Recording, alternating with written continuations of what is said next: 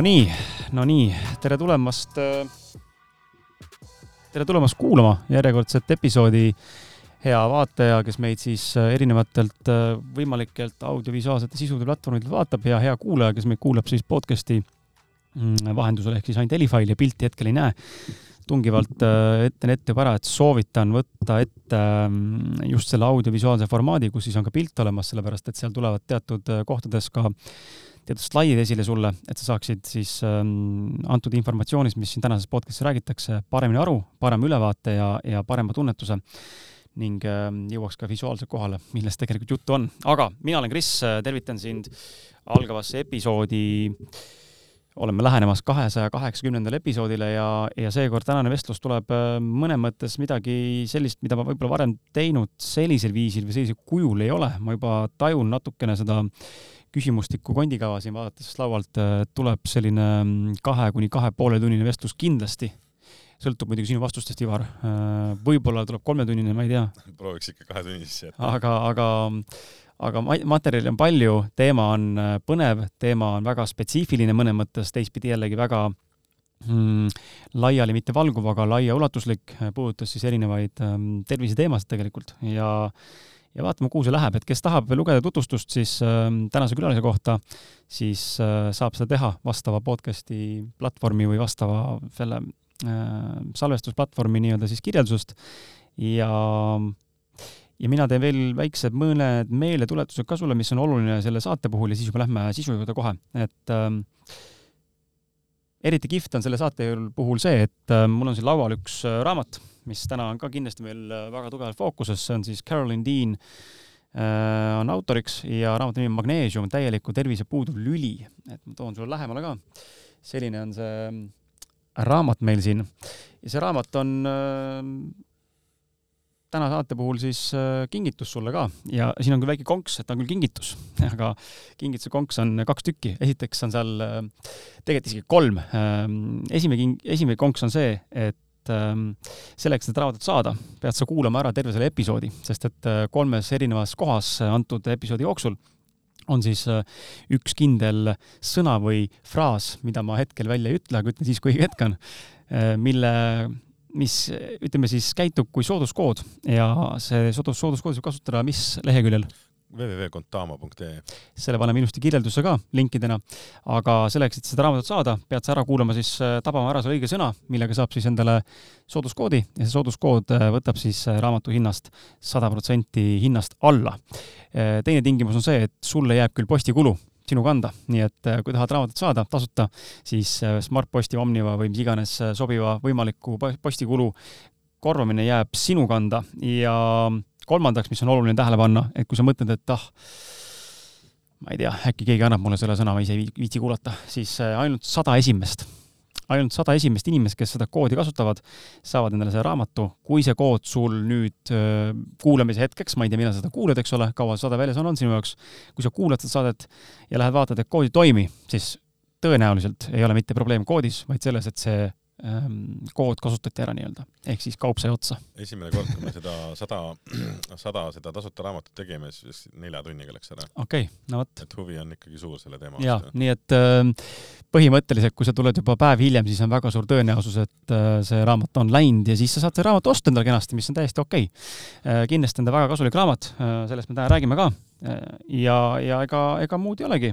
ütleks sulle, et head kuulamist ja, ja mõnusat, mõnusat rännakut siin magneesiumi teemadel.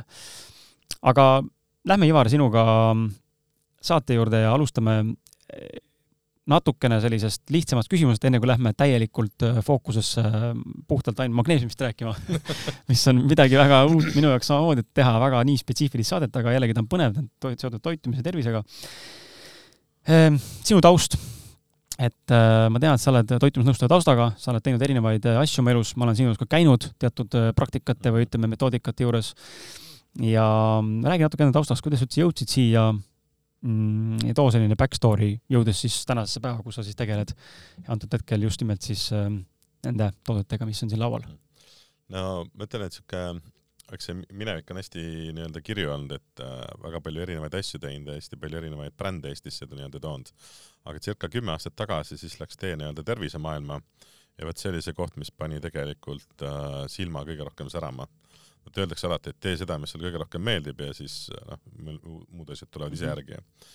ja läbi, noh, tuntakse siin kui seedensüümi divar ja noh, erinevate teemadega, aga, aga jah, et äh, RNA brändini ja siis selle doktor Caroline brändini põhimõtteliselt äh, jõudsin siis eelmise aasta, ütleme siis üle-eelmise aasta lõpp ja miks ma sinna tegelikult jõudsin, oli see, et kuna ma töötasin life biofeedback terapeudina ja mul olid iga päev nii-öelda siis kliendid, kellel olid ärevus, paanika, kes olid läbi põlenud, kes olid sügavas depressioonis, no seal oli hästi palju erinevaid, aga siuke jah, minul käis siuke, kuidas öelda, äriinimese nii-öelda seltskond kõige rohkem ja ja mind hakkas huvitama see, et, et me saime nagu selle life biofeedbackiga hästi ärevuse paanika nii-öelda maha kuid ma nägin, et inimesed jälle mingi hetk äh, tulevad tagasi.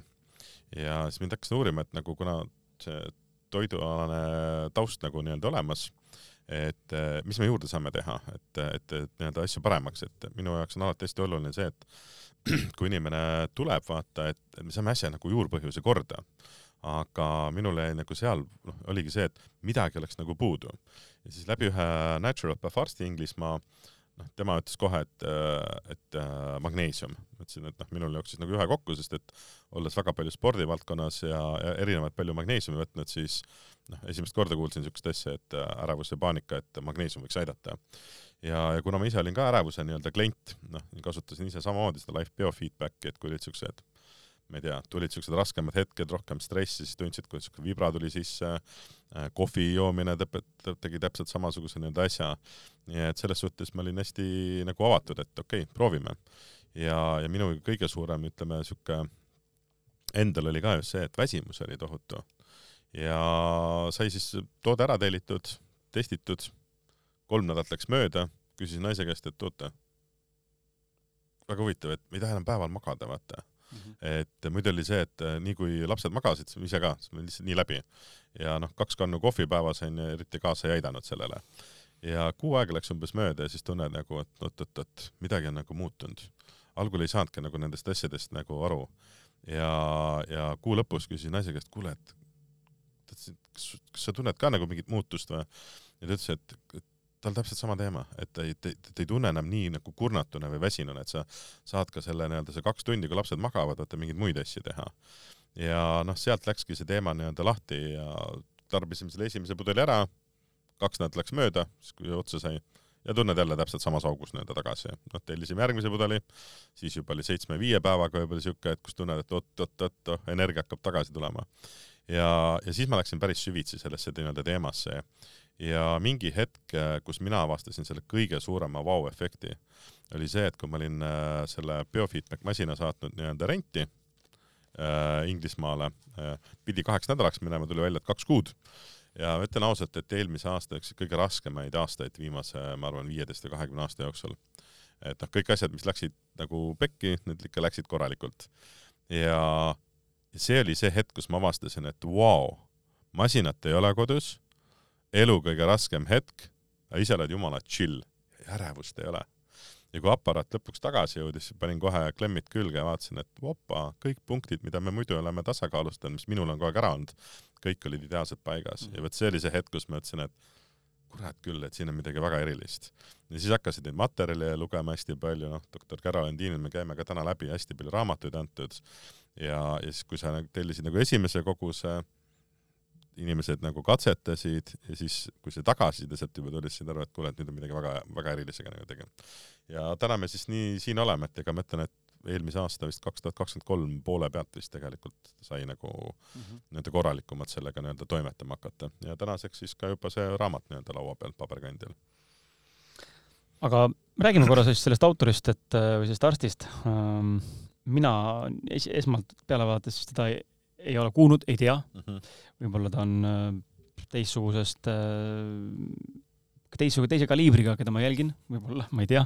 ja võib-olla sama küsimus inimeste, kes meid vaatab praegu, et okei okay,, tore, mingi raamat, aga kui valid, onju, kui, kuivõrd äh, relevantne või, või tegelikult tõene ta nii-öelda on. ja, ja igaüks võib kirjutada endale täna chat GPT-ga mis iganes kokku, onju, öelda, et näed, ma olen nüüd PhD, onju, või arst, onju.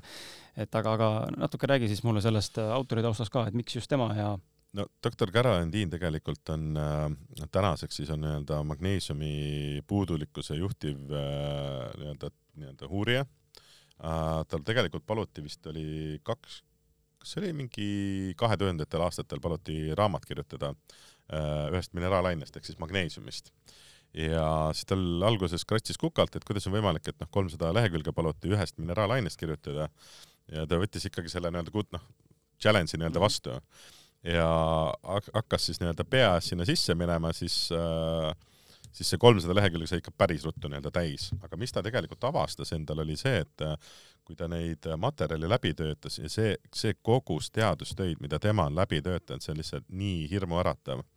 Sest et äh, Magneesium on ju ainult üks äh, nii-öelda raamat, mis ta välja on andnud, ta on vist üle kolmekümne viie raamatu, üle saja e e-raamatu ja noh, kui sa vaatad tema nii-öelda minevikust, nagu siin igal pool BBC-des igal pool kä noh, käinud rääkimas.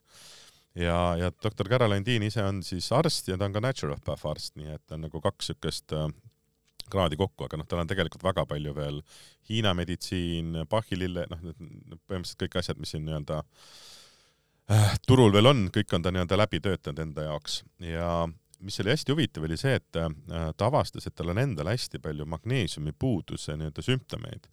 peavalu, migreenid äh,, igasugused selja üle-alavalud, siis igasugused jalakrambid äh,, südameklappide virvendus, noh et see on nagu väga palju siukseid äh, tõsisemaid tervise nii-öelda teemasid ja kui ta, ja mis on hästi huvitav tegelikult, et ta raamat, see Magnesium Miracle pidi ava äh,, launch pidi olema kaks tuhat üks aasta, üheksa üksteist ja täpselt see päev, kui see kaksiktornide nii-öelda teema oli, ehk siis tema raamatu ava, see avaldamine üldse lükkus kaks aastat edasi. Mm..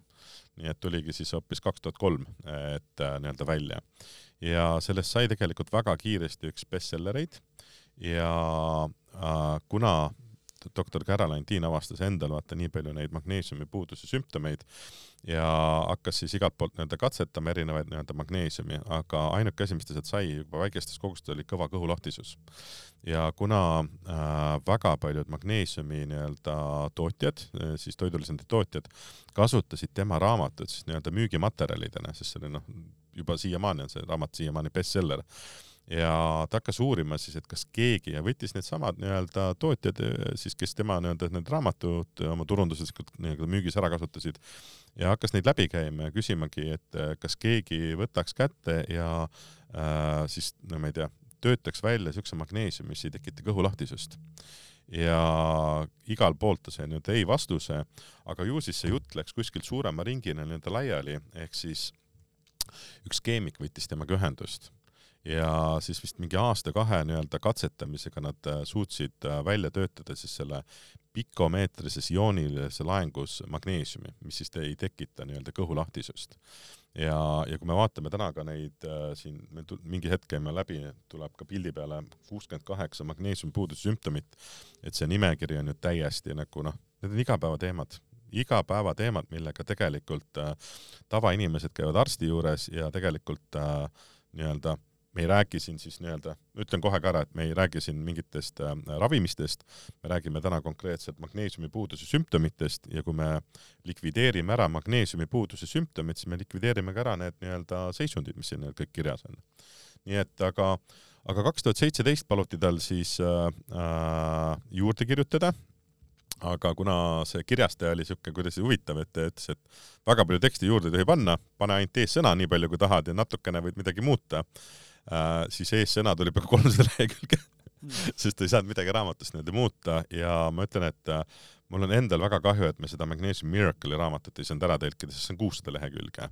nüüd see Magnesiumi raamat, mis meil täna siin ka laua peal on, see äh, täieliku tervise puuduv lüli, nii-öelda see on siuke kakssada viiskümmend nii-öelda lehekülge.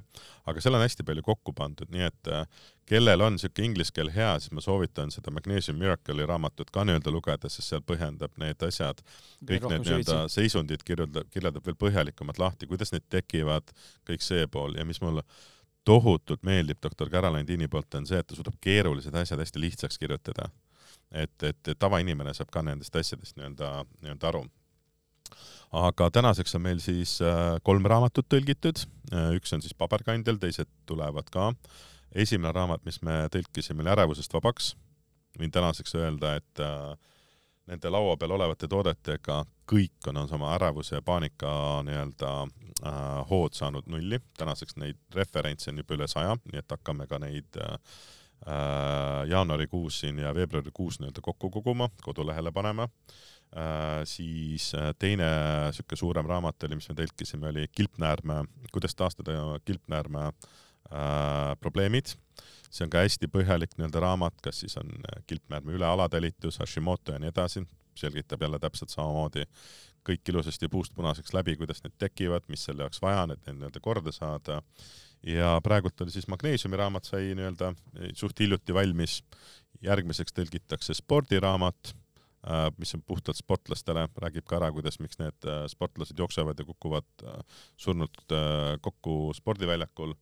Ja eks sealt siis vaatame juba, mis siis tuleb, kas tuleb naiste terviseraamat, kas tuleb diabeet kaks, kas tuleb äh, kõrgvererõhu äh, teemad, kõik südamekonna haigused äh,, äh kaaluteemad, et noh, need kokku kakskümmend kolm raamatut, et see on nagu ühest äärmusest nii-öelda teised ja need on. lõpuks tuleb see valguvandenõu kusjuures see on ka olemas, sest et neil on üks see on nii haige teema lihtsalt. noh, inimesed on seal ka samamoodi yeah,, mida palju süüa, mida süüa onju. jah, täpselt aga ta võtab, noh, doktor Carolandine ise on rohkem pooldab siukest low carb, high fat äh, nii-öelda mm -hmm. lähenemist, et äh, see on näidanud nagu talle, temale sobib see kõige paremini, siukse raamat veel sellest nii-öelda kirjutatud, kas me seda tõlgime või ei tõlgi, ma ei oska täna öelda, sest need muud teemad on natukene olulisemad. aga selles suhtes jah, et äh, tõesti meeletult palju materjali kirjutanud ja ja ütlen, ütleme täna nii-öelda esindajana väga hea lihtsalt võta ja tõlgi ja nagu noh, tõesti nagu kõik, kes lugenud on, lihtsalt kiidavad mm. -hmm. ja see magneesiumi raamat, mis siin äh, täieliku tervise puuduv lüli, siis äh, kogu raamat on teaduspõhine, nii et siin on üle kuuesaja kuuekümne referentsi. et kui eelmisel raamatul oli kuuskümmend viis pluss haigusseisundit kirjas või nii-öelda magneesiumi puudused, siis siin on juba kuuskümmend kaheksa. täna on juba siin veel mitu asja nii-öelda juurde tulnud, et ma arvan, et kui kunagi sellele update'i tehakse, võib-olla see on juba siis seitsekümmend viis või seitsekümmend kuus nii et äh, eks ta on, aga, aga raamat on iseenesest jah, hästi kirjutatud, suure tekstiga, lihtne lugeda, nii et selles suhtes siin ma olen kuulnud, et mõned inimesed ühe päevaga selle läbi lugenud. ja tundub selles suhtes ka, et äh, kes ei ole tervisemaailmas nii-öelda olnud, siis tegelikult tõesti lihtne lugeda. ja ma arvan, et kõige rohkem meeldivadki see pool, vaata, kus on need kuuskümmend viis, kuuskümmend kaheksa seisundit kirjas ja kuidas need tekivad, kuidas nad magneesiumiga seotud on. nii et selles suhtes jah tõesti, et äh, raamat võtsin korra lahti, kes tahab, siis saab raamatu lõpust mingisuguseid juba referentsisid näha, et siin on paar, neli, viis, kuus lehekülge täis äh,. paarsada tükki on siin kindlasti, et äh, nii et igal juhul, igal juhul äh, viited juba äh, mõne skeptiku jaoks võib-olla ütlevad, et tegemist on ikkagi äh, tõese raamatuga ja tõese arstiga. aga lähme teemade juurde või ma tegelikult küsiks niimoodi, enne kui teemade juurde lähme, kas ähm, sul on see laual lauale oled sa toonud meile siia stuudiosse kolm eri äh, tassi ja kaks-kolm kolm, kolm erinevat toodet, kolm erinevat toodet on ja vett, et kas tahad, millal sa nendega midagi teha tahad, näidata tahad? ma, äh, ma, minul ei ole selles suhtes, ma lõpuks käin niikuinii, see, miks ma just need tooted võtsin, sest et need on äh, täna meie kõige klientide lemmikumad mm, -hmm. kõige enam müüdud üldse, et et aga minu mõte oli ka see, et alati saab ise ka maitsta, et ma tean, et Krisile pidime siin juba varem, varem tooma need asjad ja testimiseks, aga nüüd tuleb peale, peale saadet saab järgi. aga kui sa tahad maitsta, teeme kohe saab.... teeme kohe, siis ja, saab ja, siin mäkkida ja ma saan minna siis esimeste küsimuste juurde ka, et siis on see relevantne sisu nagu olemas, ma vaatan, pööran pildi sulle ka, kuidas sa siin shake ima hakkad seda, et inimesed saavad kohe näha. me tavaliselt teemegi niimoodi, et on kas liiter või poolteist või kaks, kuhu sisse sa teed selle päevase koguse valmis mm -hmm. ja siis sa lihtsalt äh, rahulikult päeva peale seda jood. korraga ära lüppida ei tohi no sa võid korraga, aga vaata alus, al, alguses on ka, me käime lõpupoole selle, kuidas nagu tooteid nagu kasutada, mis ma näen, siuke mm -hmm. tüüpvead on, mida ma kogu aeg kuulen ja, ja, ja inimeste nii-öelda mingid hirmud või küsimused, mis on nii-öelda tekkinud. aga eks ta ikka vaata iga asjaga, et al, alusta rahulikult ja siis tööta nii-öelda ülesse, sest need kogused, mis sa tegelikult laadimise ajal teed, need on päris suured tegelikult mm. -hmm et laadimisest käime ka täna veel läbi, et kuidas siis nii-öelda oma magneesiumivarud uuesti mm -hmm. nii-öelda taastada. aga, aga magneesium on jah, tavaliselt siuke kuna sa ei ole ennem võtnud, siis ma nii kanget ei tee nagu endale. aga, aga võtan siit korra need korgid pealt ära. kui palju magneesium, äh, ütleme, kui hakata seda vett kulistama, eks ole, kui palju ta mängib selle pH tasemega meie kehas, alu selliseks äh, teeb rohkem äh, või ta seda üldse ei mõjuta?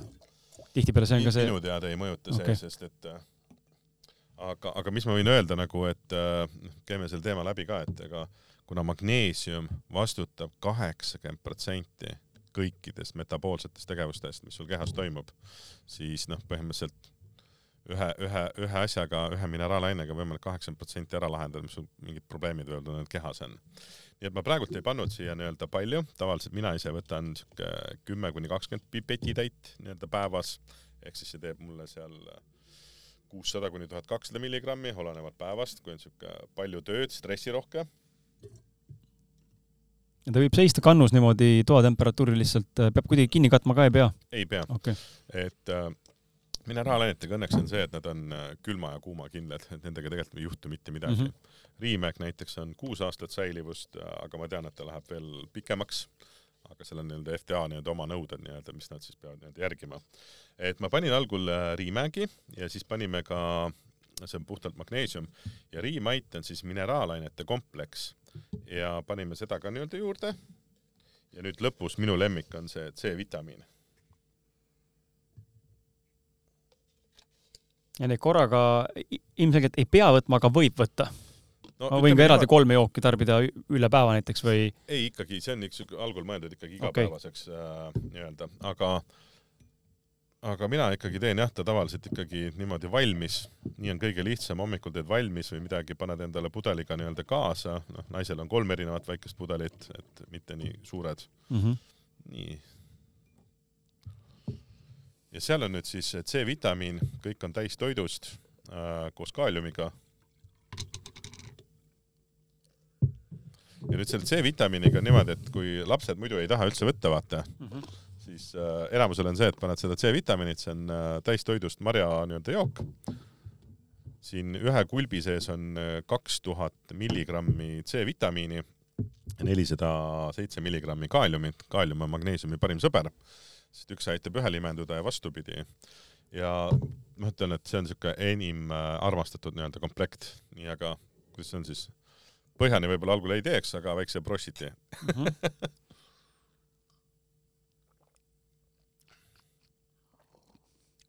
mis selle C-vitamiini kõige suurem mõte on, et see ei ole võib-olla sellekski mõeldud, et nüüd hullult saaksid C-vitamiini päevas kuid selle mõte on see, et kui sa lähed hästi suurteks kogustesse äh, mineraalainetega, siis see maitse läheb väga tugevaks, väga tugev ja siuke nagu väga paljudel hakkab vastu mm. -hmm.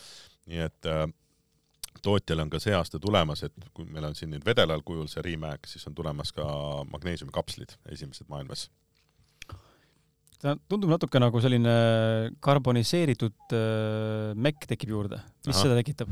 Äh, karboniseeritud. no oleks mullid nagu oleks sees. aa, siin on see, et see, kui me sisse valame, siis vaata, ta hakkas kohe kihisema mm. -hmm. kaalium on see, mis paneb selle mm. kihisema. aga niimoodi päeva peale juua pole mingit probleemi, vaata siin suur eelis on ka see, et kuna sa saad nii suure C-vitamiini koguse, vaata C-vitamiin on see, et jood on ju, nii kui vetsus käid kohe kõik ülejäänud mm, -hmm. mis keha ei tarbinud, läheb ära.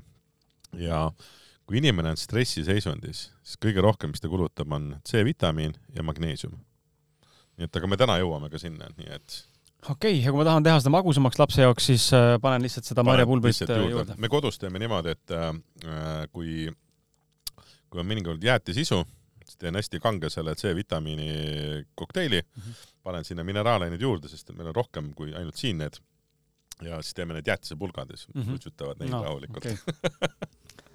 aga või siis, või, või panna ka smuutisse onju absoluutselt, selles suhtes mm, -hmm. et meil ongi poiss, poistel on niimoodi, et õhtul teeme smuutid, banaanid, seal mingid, mingid äh, mingisugused taimsed piimad nii-öelda juurde ja siis paneme kõike, noh, seal on veel mingisuguseid äh, teisi tooteid ka mm -hmm., B-vitamiini kompleksid mm -hmm. ja nii edasi, et lihtsalt saad siukse korraliku korralikku nii-öelda kokteili. no saab peita selles mõttes, et inimesed on maitse-eelistuste mõttes nii erinevad, eks ole, eriti lapsed hästi valivad. et tihtipeale, mul laps on väga tundlik, ma juba tean, et on noh, väga-väga nagu valiv mm. -hmm. et siis ma tean, et saab peita mingisse asja sisse, mis talle endale väga maitsevad mm -hmm. tegelikult, sest et ta on näinud, kui ma võtan vitamiine, ma võtan enamasti kapslikujul onju mm, -hmm. ja siis ma tean, et täna ta ei neela neid alla, need on päris mm -hmm. suured, eks ole. ja siis ta ütleb ka, et aga ma tahaks, issand, miks mina vitamiini ei saa aga meil on äh, vedelakujul on B kaksteist, vaata, aga muid asju sa neelata ei taha ja pulbrit sa ei söö ja see maitseb vastikult. mul on need kaks jõngrit seal kodus, need panevad seda, võtavad selle mingi oomega kolme onju mm, -hmm. see on ikka siuke tead mm -hmm. tugev kala, mingid, ta ei ole kalast tehtud onju RNA tootetel, aga ja siis panevad selle, siis sööb seda ja siis veel naerab kaifib seda kaifib seda, okei okay., kuule, aga lähme, lähme edasi siis, et mm -hmm. Mis see, mis on magneesium siis, räägime korraks nüüd, hakkame pihta kuskilt otsast pihta ja jõuame siin, küsimused on siin mõnikord väga detailsed, teinekord natuke laialivalguvamad, et aga see kondikava on meil olemas, et lähme hakkame pihta, et mis see magneesium on, miks ta meile oluline ja miks seda meie toidus enam siis tegelikult ei ole mm. või mik-, või miks teda vähem siis nii-öelda on? ma ütleks, et äh, kunagi ütlesin seedensüümide kohta, täna ütleks äh, ausalt öeldes isegi magneesiumi kohta, et üks kõige paremini hoitud saladusi. Ja magneesium on üks kõige olulisemaid mineraalaineid üldse kehas.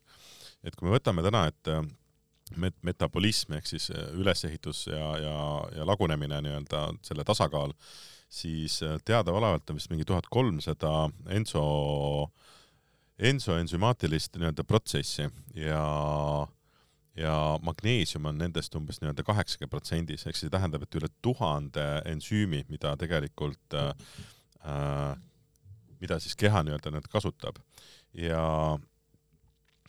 ehk siis magneesium on see nii-öelda põhikoofaktorid, mis on see kõige olulisem, et nii-öelda kõik asjad nii-öelda töötaks. ja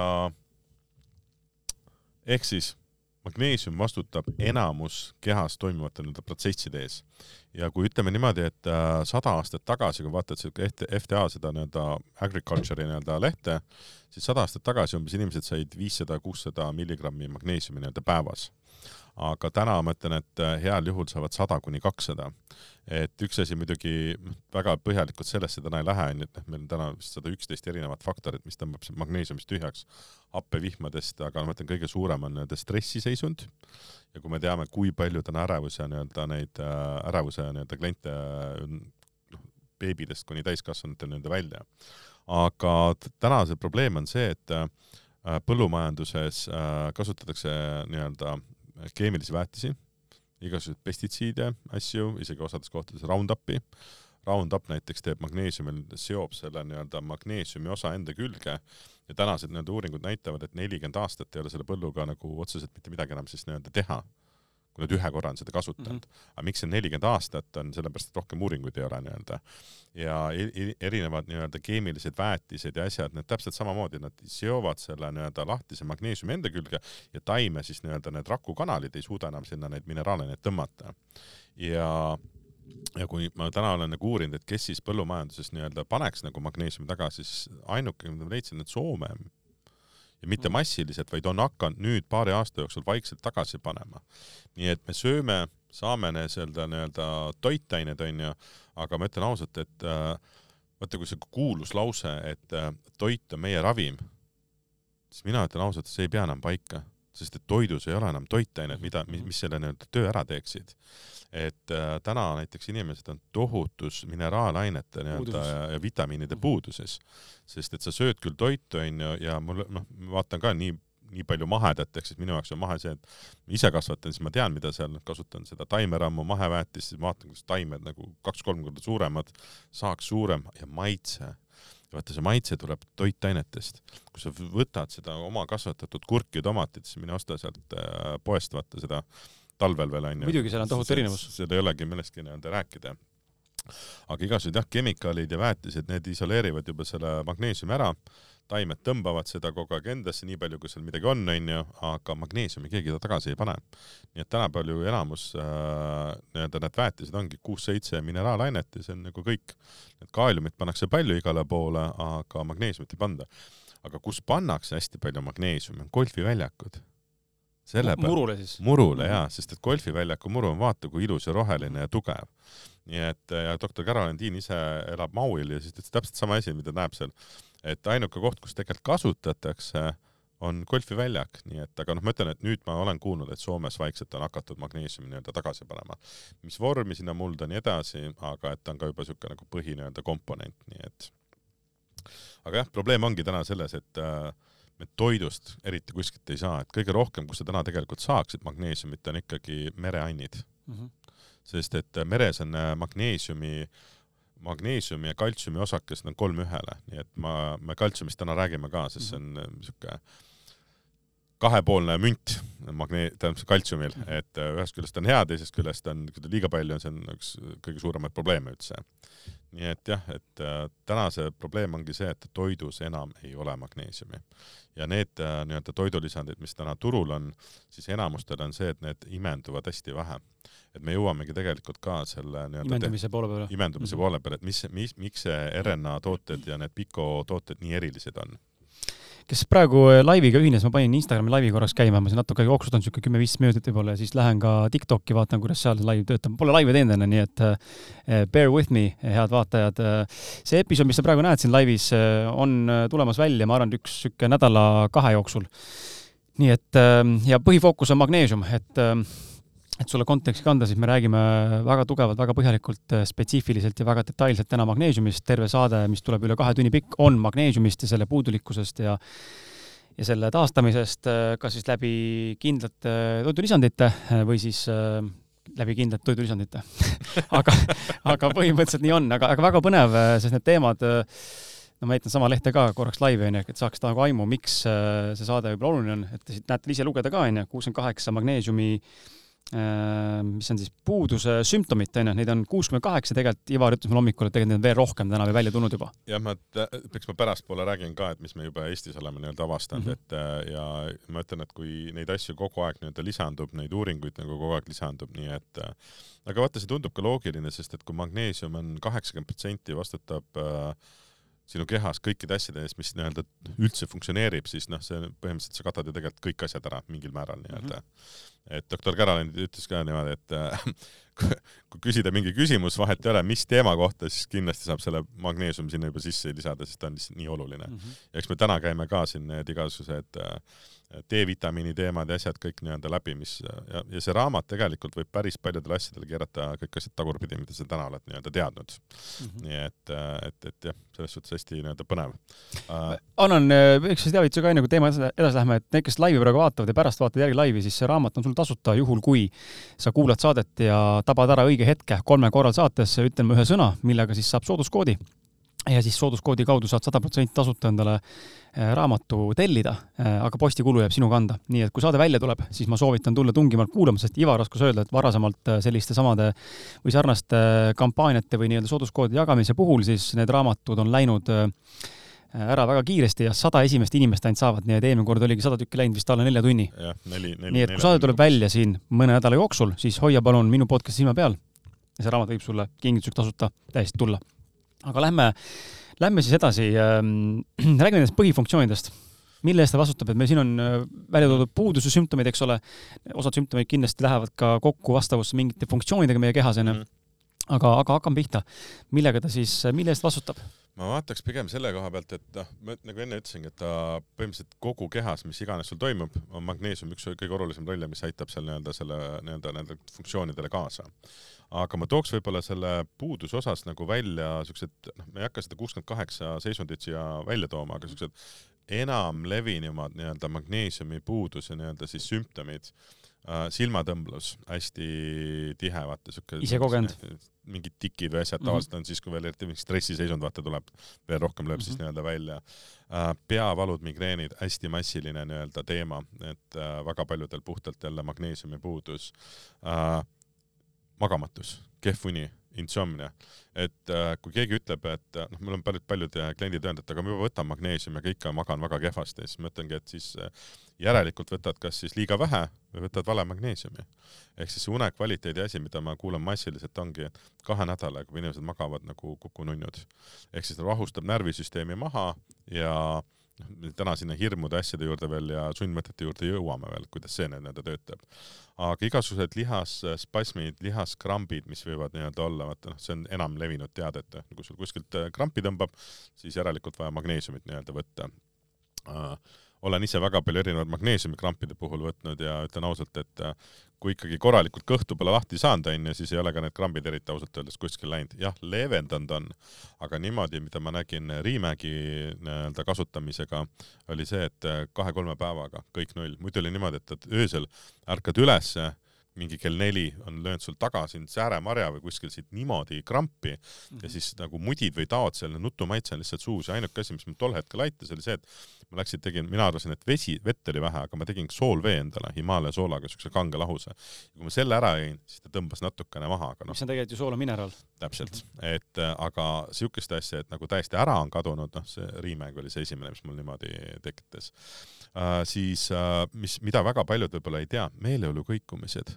on seotud magneesiumiga ehk siis vaata, korra tõmbab nagu, kõik on hästi ja siis jälle tõmbab niimoodi täiesti maha, nii et ja, ja kui näiteks ka lapsed, vaata noh, emotsioonid kõiguvad, siis jälle magneesiumi puudus, siis äh, mida väga paljud ei tea, igasugused käitumishäired, ADHD ja nii edasi, jälle mhm. täpselt samamoodi magneesiumiga nii-öelda seotud ja ja mina arvan, et see minu enda isiklik kogemus terapeudina, life biofeedback terapeudina, et ATH-d ja asjad on äh, laste puhul väga, kuidas öelda, valesti mõistetud.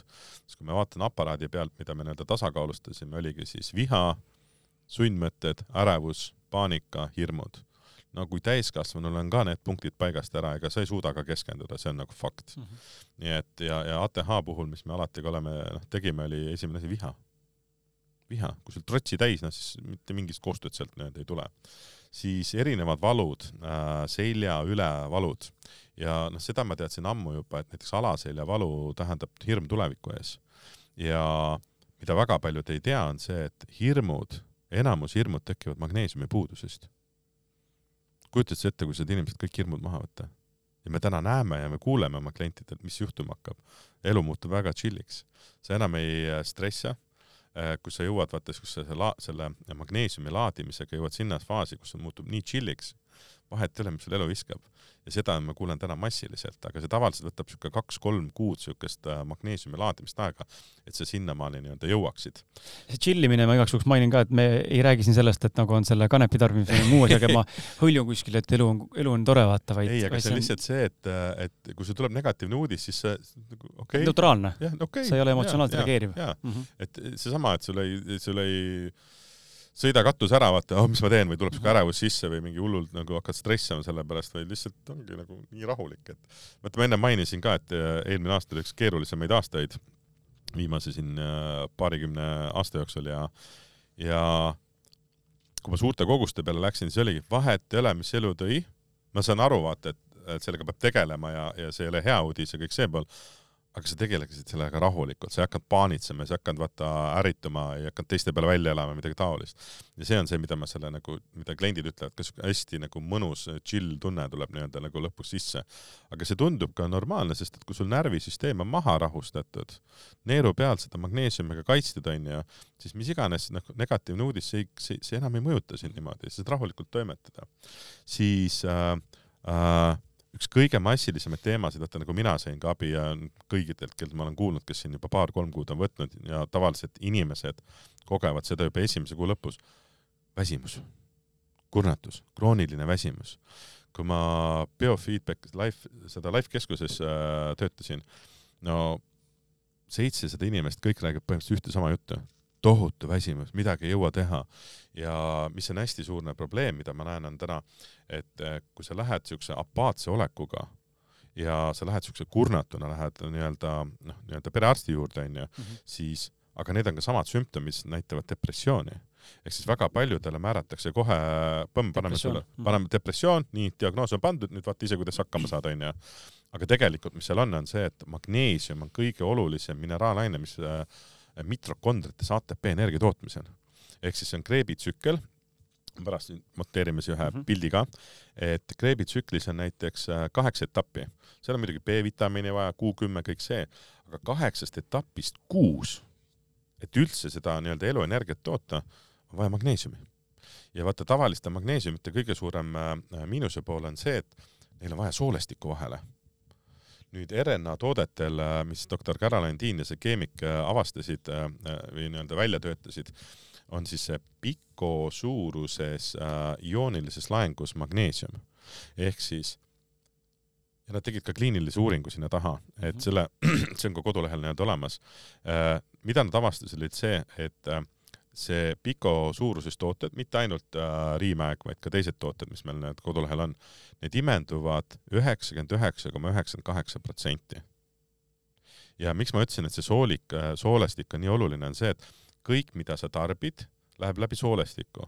aga kui me vaatame, enamus inimestel on kas siis ärritunud soolasündroom, lekkiv mm -hmm. sool, mis iganes, et see toitumine on nii paigast ära, siis magneesiumi puhul on see esimene filter, mis tuleb vahele et palju siis tegelikult soolestikust läbi jõuab ja kui me võtame teised nii-öelda magneesiumid, kui sa liiga palju natuke võtad, ta võib jälle sul kõhu lahti nii-öelda lüüa. nii et kui sa täna võtad näiteks äh, Riimägi siis see hetk, kui ta nahaga kokku puutub ja miks ma ütlen nahaga, vahet ei ole, kas see on limaskett või nahk, sest ta imendub ka läbi pealepanestus mm -hmm. ja mida iga inimene peab ise kogema, mida keegi ennem ei usu, vaata kui närvivalu tekib, võta Riimägi, hõõruse koht sisse ja siis vaata, mis äh, mõnel on juba viie sekundiga mm, -hmm. siis on nagu what kuidas see võimalik on? ja neid referentse on nagu mustmiljon.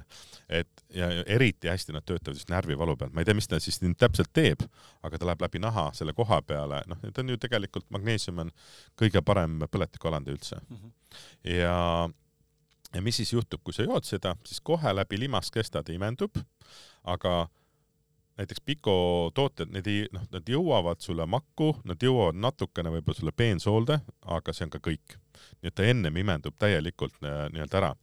aga kui me vaatame nüüd selle koha pealt, et kui sa võtad mingit toidulisandit või ütleme noh, nii-öelda teist magneesiumi, siis ta läheb soolestikku, see on nüüd see koht, kus hakkab hästi palju nagu neid protsente nii-öelda vähenema, seal ütleme, kui sul on üheksakümmend üheksa koma üheksakümmend kaheksa protsenti imendumine ja siis soolestik ja isegi nüüd see, mis sealt soolestikust läbi läheb, ütleme tervislik inimene, kes toitub, sööb igasugust, noh, tal on soolestik korras onju, ta saab päris palju sealt nii-öelda tegelikult ikkagi kätte.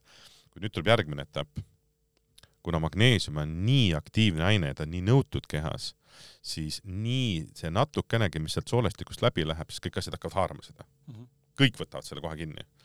Äh, ja energia tootmiseks ja väga paljude asjade, ühesõnaga, kus me see raamatus on kuuskümmend kaheksa nii-öelda magneesiumi puuduse sümptomid, noh, kõik tavapärased nii-öelda terviseseisundid, mida me arsti juures inimesed käivad, siis äh, selleks et neid asju nii-öelda ära likvideerida või ütleme, need magneesiumi puuduse sümptomeid siis nii-öelda likvideerida, selleks on vaja minna laadimise peale. Ja laadimine tähendab seda, et sa ei võta enam väikseid koguseid, sa võtad väga suuri. ja meil on alati ka toodetel kaasas on see kasutus nii-öelda juhend ja kasutusjuhendis on hästi välja ka toodud, et see laadimisaeg on äh, päevasest magneesiumi soovitud kogusest kaks kuni kolm korda rohkem mm. -hmm. ehk siis, kui su keskmine on niisugune kolmsada kaheksakümmend, nelisada on ju täiskasvanutel inimestel, siis see tähendab sinu puhul on ju ja minu puhul on ju kaheksasada kuni tuhat kakssada. kõik need nii-öelda äh, ma ei tahaks öelda siis nii-öelda nagu need äh, protokollid, noh, nemad on tavaliselt ongi üheksasada kuni tuhat kakssada ja doktor Caroline Deanil, kui nad nüüd selle magneesiumi valmis said, tema võttis ka tuhat kakssada milligrammi, tal poolteist aastat enne kui varud täis said ja see tavaliselt võibki võtta kahest-kolmest kuust kuni kahe-kolme-nelja aastani.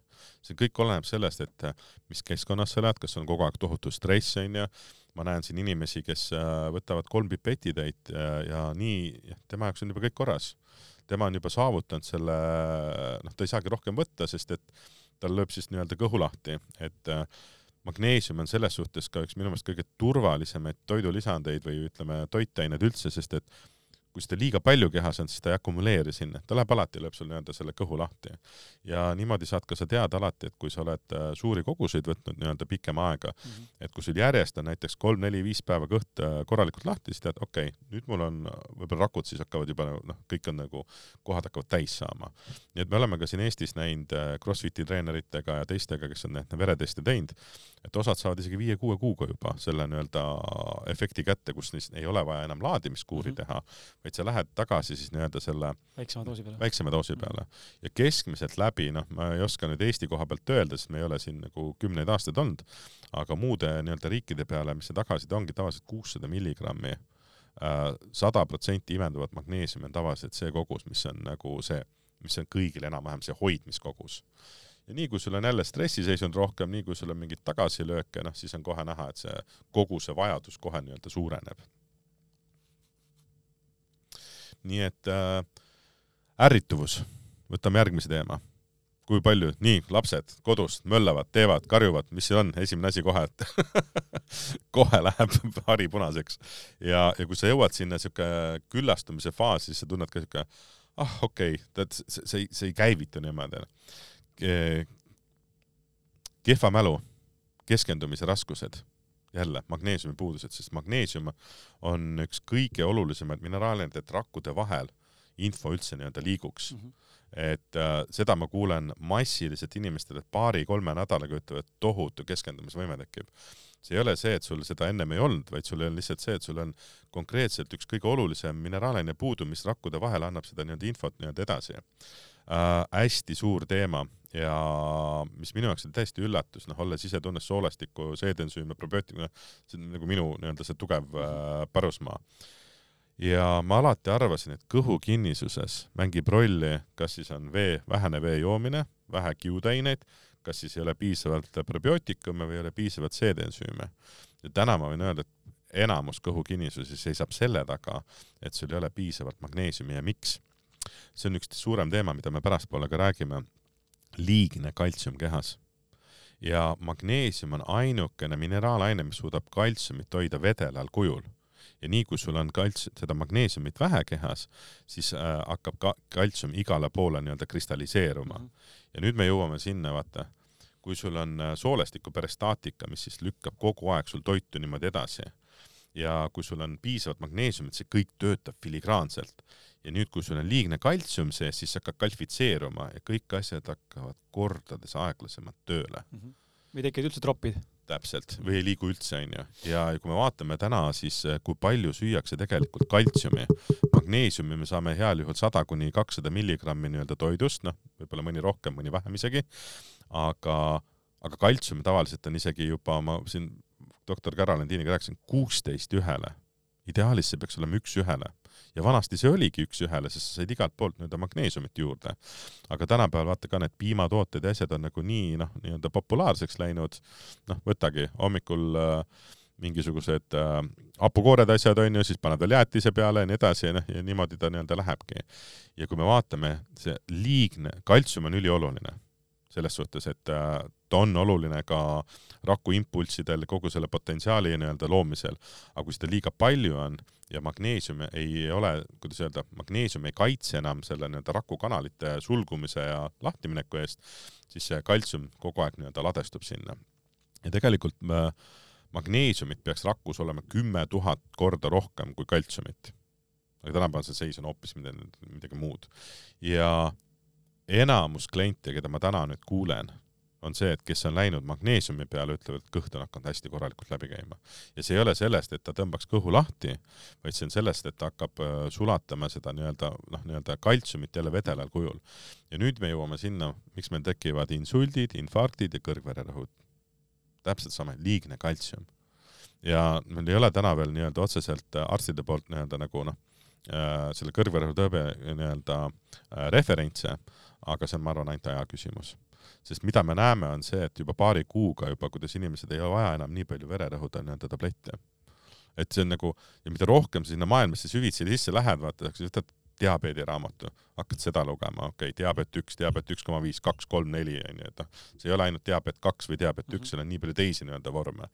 Äh, kõik igasugused südamekonna haigused onju, et siis hakkame vaatama kolesterooli poole, kõik jälle, noh, jälle me jõuame magneesiumi juurde nii-öelda tagasi nii et äh, enamus klientidel täna ma ütleks pigem on see, et nad on liigles kaltsiumis ja sealt tekib see kõhukinnisus. mitte sellepärast, et äh, ma ei tea, kõht ei käi korralikult läbi või midagi taolist, vaid lihtsalt kaltsium kalifitseerib kõik ära ja kõik see, mis on ennem elastne, noh, ütleme insuldid, infarktid, täpselt sama asi. kui sul on äh, äh veresooned kalifitseeritud ja siis tekib see väikene trombikene sinna, selle mikrotromb on ju, ja siis mikro see nii-öelda veresoon.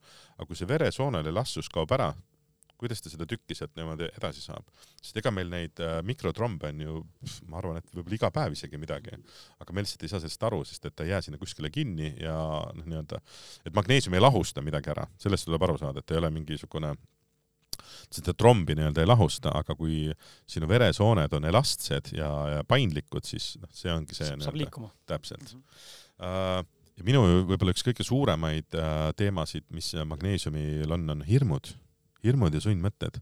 et äh, töötades äh, Life keskuses, siis äh, noh, me aparaadiga saame vaadata inimeste hirme, erinevad, kas need on paigas või ei ole, me saame need ka kohe ära tasakaalustada.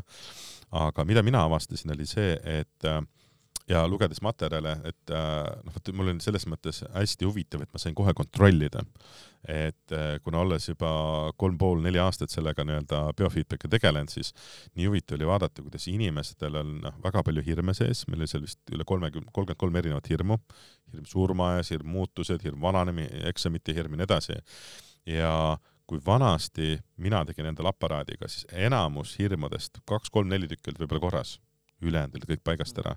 ja kui ma seda infot lugesin, et oot, et kui sul on mag-, magneesiumi puudus tekitab hirme, siis see mind pani hästi, noh, see minu jaoks see läks nii huvitavaks, sest et ma saan masina peal kohe jälgida ja tänaseks ma võingi öelda, et oma klientide põhjal, enda põhjal hirmud kaovad ära et kui vanasti me tegime, ma ütlen, kaks-kolm olid korras, siis täna vaatan klientide peal vastupidi, kaks-kolm punkti on läinud paigast ära ja hirmud on need, mis hoiavad elus kõige rohkem tagasi, sest kui sa kardad midagi teha, sa ei tee, see tekitab tohutu palju stressi, see paneb omamoodi sul neerupealsed meeletult adrenaliini tootma ja kuhu sa välja jõuad? hirmud on kõige suuremad ärevuse ja paanika tekitajad üldse. et kui sa saad hirmud inimestel maha, inimesed hakkavad niimoodi toimetama. et ja seda on nii tore nagu näha veel, et nende aruannete pealt, et sa näed kohe, kui klient tuleb, teeme algul hirmud kõik ära, siis tuleb ühe korra veel, me ei ole veel tooteid nii-öelda noh, nii-öelda juurde lisanud, vaatame jälle kõik paigast ära, siis panime nii-öelda Riimägi Riimaidi C-vitamiini peale ja siis tuleb poolteist kuud hiljem tagasi, siis vaatad, noh, pilt on hoopis teine mm. -hmm. siis tuleb kolme kuu pärast tagasi, vaatab üldse midagi nende hirmudega teha. aga mis ma olen tähele pannud, on täpselt samamoodi, et äh, stressipunktid ja sundmõtted väga palju inimesi, ma ütlen alati, et noh, kõik, kes meil äh, minu juurde tulid, alati ma tegin sundmõtted, üksteist erinevat punkti, pea on pärast sul täitsa tühi, onju, kuid äh, väga paljud inimesed lihtsalt ei teagi, mis sundmõtted tähendavad. kogu aeg midagi ketrab, ta pole kunagi olnud seda olukorda, kus tal on pea täitsa tühi. mõni siis täitsa jahmatas vaata ära, ei saa üldse aru, mis toimub. nii et äh, hirmud äh, tulevad tegelikult magneesiumi puudusest. ja kui ma vaatasin ka näiteks, meil olid, käisid äh, lapsed, kes alla pissisid, onju me võtsime alati äh, ärevusepunktid, paanikapunktid, hirmud, kõik, päevapealt kõik läinud. täna teeb see üks ja sama toode täpselt sama töö. et ta ei tee nagu sekundi pealt, sul on vaja ikkagi kaks, äh, paar kuud niimoodi võtta suuremaid koguseid, teeb täpselt sama nii-öelda töö ära äh,. stress. kui inimene on stressiseisundis, siis äh, mida keha kõige rohkem tarbib? C-vitamiini, magneesiumi meeletus kogustes. nii et need ärevuse ja paanika kliendid tegelikult on nagu nii surnud ringis ja, ja meil on siin olnud äh, päris palju kliente, kes, äh, kes ärevuse raamatut on nii-öelda lugenud ja siis on tegelikult algul vihastanud isegi. miks? esiteks, eks nad kõik ole juba magneesiumi proovinud, aga nad ei ole niisugust pikomeetri joonilist magneesiumi saanud ja, ja mis sealt siis tuleb välja, et inimesed ei usu enam, vaata, et kuidas võib olla nii lihtne lahendus ärevuse ja paanika vastu ja ma räägin ikkagi nendest klientidest, kes, kellel ärevus ja paanikahäired, kelle elu on niimoodi, et noh, võib-olla ei lähe tööle enam või noh, ei ole suutelised üldse mitte midagi nii-öelda tegema. ja kust see tuleb, on puhtalt jälle see, et neerupealsed ei ole magneesiumiga kaitstud, närvisüsteem ei ole maha rahustatud ja siis see on nii surnud ring, sest kui sa oled ärevuses, siis sul on ka stress ja noh, see kulutab veel rohkem sul magneesiumi. et noh, ma ütlen, et ärevuse ja paanika kliendid on nagu, miks me ka selle raamatu kõigepealt tegime, oligi sest, et see on, kui sa oled ise selles olukorras olnud ja, ja kui sul on vaata, enamus inimestel on ärevus äh, sees olemas mm. -hmm aga kas nad on siin nii kaua sellega olnud või nad ei ole kunagi olnud sellises olukorras, kus on täiesti mõnus ja chill nii-öelda olla, vaata, et ta ei, noh, ta ei teagi, mis see tähendab olla lihtsalt mõnusas olekus, kus sul ei ole kogu aeg vaata mingid muremõtted peas ja asjad, mis seda nii-öelda veel rohkem nii-öelda toidavad. ja, ja depressiooni koha pealt me käisime ka, noh, täpselt sama asi, et äh, kui sul ikkagi äh, õnnehormooni keha ei suuda korralikult toota, serotoniini, selle jaoks on vaja jälle magneesiumi, noh jälle me jõuame sinna äh, ma olen tähele pannud seda enda puhul ja ma hakkasin ka klientidega rääkima, enda vanematega, sõprade-tuttavatega ja mis on hästi huvitav, on see, et sihuke kas see tuleb teise kuu magneesiumi selle Riimägi kasutamisega, tuleb sihuke tohutu sihuke teotahe asju ära teha? kas see nüüd depressiooniga korralikult seotud või on see kuidagi õnnehormooniga, ma ei oska nüüd öelda. aga näiteks, äh, äh, mis me näeme täna näiteks äh, rasedate puhul, et kui nad hakkavad magneesiumi võtma juba raseduse ajal, ärevus, paanika läinud, hästi nagu rahulikuks muutuvad, väga paljudel tekib ärevus, vaata selle sünnit-, eriti esmasünnitused äh,, e, sünnitusjärgne depressioon on hästi nagu noh, ma ütlen, et see on nagu massi, massiline, aga millest keegi ei tea, on aga enne sünnitust tekib depressioon. ja mida me siis täna näeme? magneesiumi ja riimaidi nii-öelda kasutamisega ülirahulik, hästi lõdvestunud, äh, sünnitused lähevad äh, kordades kiiremini, sest kogu keha närvisüsteem on maha rahustatud, ei teki hirme, vaata, ei paanitse äh,, ei teki rebendeid, sest kogu noh, lihased on kõik lõdvestatud korralikult, samamoodi ei, ei ole seda nii-öelda sünnitusjärgset nii-öelda depressiooni. Ja mis ma vaatasin uuringutest, kui ema on magneesiumit täis Nad tegid uuringu, eh, kes siis olid võtnud, ei võtnud väga suuri koguseid isegi magneesiumi, aga näiteks laip, laste IQ, kelle ema on nagu magneesiumist üleütatud, siis see oli vist ma jään praegu vastuse võlgu, aga need numbrid olid kolossaalselt suuremad. ehk siis nii-öelda lapse nii-öelda arengule täpselt samamoodi. Eh, üks näiteks magneesiumi puudussümptomist on see äkksurm, laste äkksurm noh, et ja kui ma vaatan täna, oleme rääkinud siin äh, õdedega, kes sünnitusmajas töötavad, siis äh, raskemate sünnituste puhul alati süstitakse magneesiumi nii et äh, ma tean väga palju arste näiteks välismaal, noh eriti kui meil on mingid operatsioonid või asjad onju, nad teevadki ennem juba magneesiumisüstid, miks? sest et nii kui sul on operatsioon, kui sul on mingisugune, isegi kui nõelatakse või noh süstitakse või kui sul on mingi luumurrud, siis keha noh, see on tohutu trauma ja nii-öelda stressiseisund, keha tõmbab jälle magneesiumist tühjaks.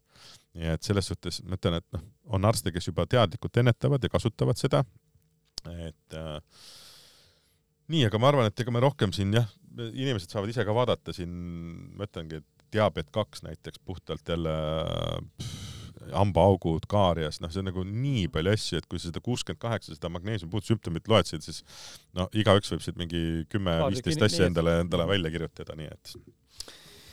tuleme, enne kui lähme edasi nende teemadega siit, ma teen selle esimese väljalõike ka, et saate alguses me rääkisime sellest äh, raamatust äh, magneesium, täieliku tervise puuduv lüli, et kui sul on see soov see raamat endale saada, siis nüüd on see hetk äh, selle esimeseks sõnaks, see sõna tegelikult saate vältel on tegelikult kogu aeg sama, see ei muutu. selleks äh, sooduskoodiks siis on magneesium kakskümmend seitse.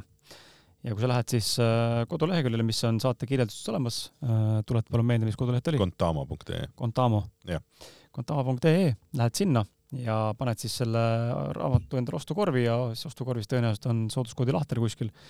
sisestad selle sinna ja siis see raamat on sulle sada protsenti allahindlusega ja postikulu jääb sinu kanda. nii et sada esimest kiiremat nüüd hetkel kohe nüüd mine ja kasuta võimalust ja mm, sest pärast on sul vast vaja osta see raamat, mis on ka jumala okei okay, osta endale, aga lihtsalt äh, siis ta on kakskümmend seitse eurot. jah, me sellepärast panimegi kakskümmend seitse seda lõppu nii et äh, lähme aga edasi siit ähm, äh,. me, ma tegelikult tahaks korra küsida seda ka, et miks on see, okei okay,, liposoomne on igal juhul, me räägime, räägime üldse toidulisanditest, vitamiinidest, siis liposoomne on parem, sest imendub paremini kohe onju, versus siis pulber või mingisugune muu tablett äh,? no ütleme niimoodi, et meil, meil, meil liposoomset ei ole mm, -hmm. et äh, liposoomne vajab ka ikkagi soolestikku mm, -hmm. et liposoomne on jah, selles suhtes jälle kõvasti areng edasi kui nii-öelda tavaline nii-öelda toidulisand, aga piko, noh, ma ütlengi, et see pikojooniline ehk siis äh, kuna ta on stabiilne, siis see tähendab seda, et äh, ei ole nii-öelda hästi aktiivne, ehk siis keha niimoodi ei võta, ta läheb otse nii-öelda rakku. et ma ei saa, kui sa küsid vaata võrdlus, väga paljud on küsinud, et noh, mis vahe on liposoomne ja siis nii-öelda pikojoonilises laengus mm. -hmm. me ei saa seda võrrelda, et tehnoloogiad on lihtsalt nii erinevad, vaata kui ühele on soolestikku vaja vahele, teisel ei ole, eks sul jääb hästi palju nii-öelda filtreid tuleb nii-öelda ja mis su soolestiku seisund on, seda ei oska nii-öelda öelda. et tehniliselt, kui sa võtad täna need pikojoonilised, noh, meil on seal kaltsium, tsinkvasega äh,, äh, siis kaalium veel äh,, hõbedat me ei saanud registreerida, see on EU-s keelatud, aga pikohõbe oli muidu kolmas kõige enam müüdud toode, noh, kõik see on ütleme looduslikult kõige parem antibiootikum üldse. nii bakterid, viirused, haavandid, kõik, kõik luumurud, mis iganes sinna nagu alla lähevad. aga aga jah, vaata, kui sul on toode, mida sa määrid peale, imendub täpselt samamoodi, kui sa imed sisse, võtad nii-öelda sisse. et, äh, et liposoomne on hea, lihtsalt see tehnoloogia on äh, ma arutasin ka nagu doktor Caroliniga, et, et tekkis ka seesama asi, et vaata, et Eestis on hästi populaarne liposoomne ja mis me siis nagu võrdluseks võtame, ta ütles, et ei saa kahjuks võrdlust võtta, üks tehnoloogia on lihtsalt omast ajast nii palju nii-öelda ees.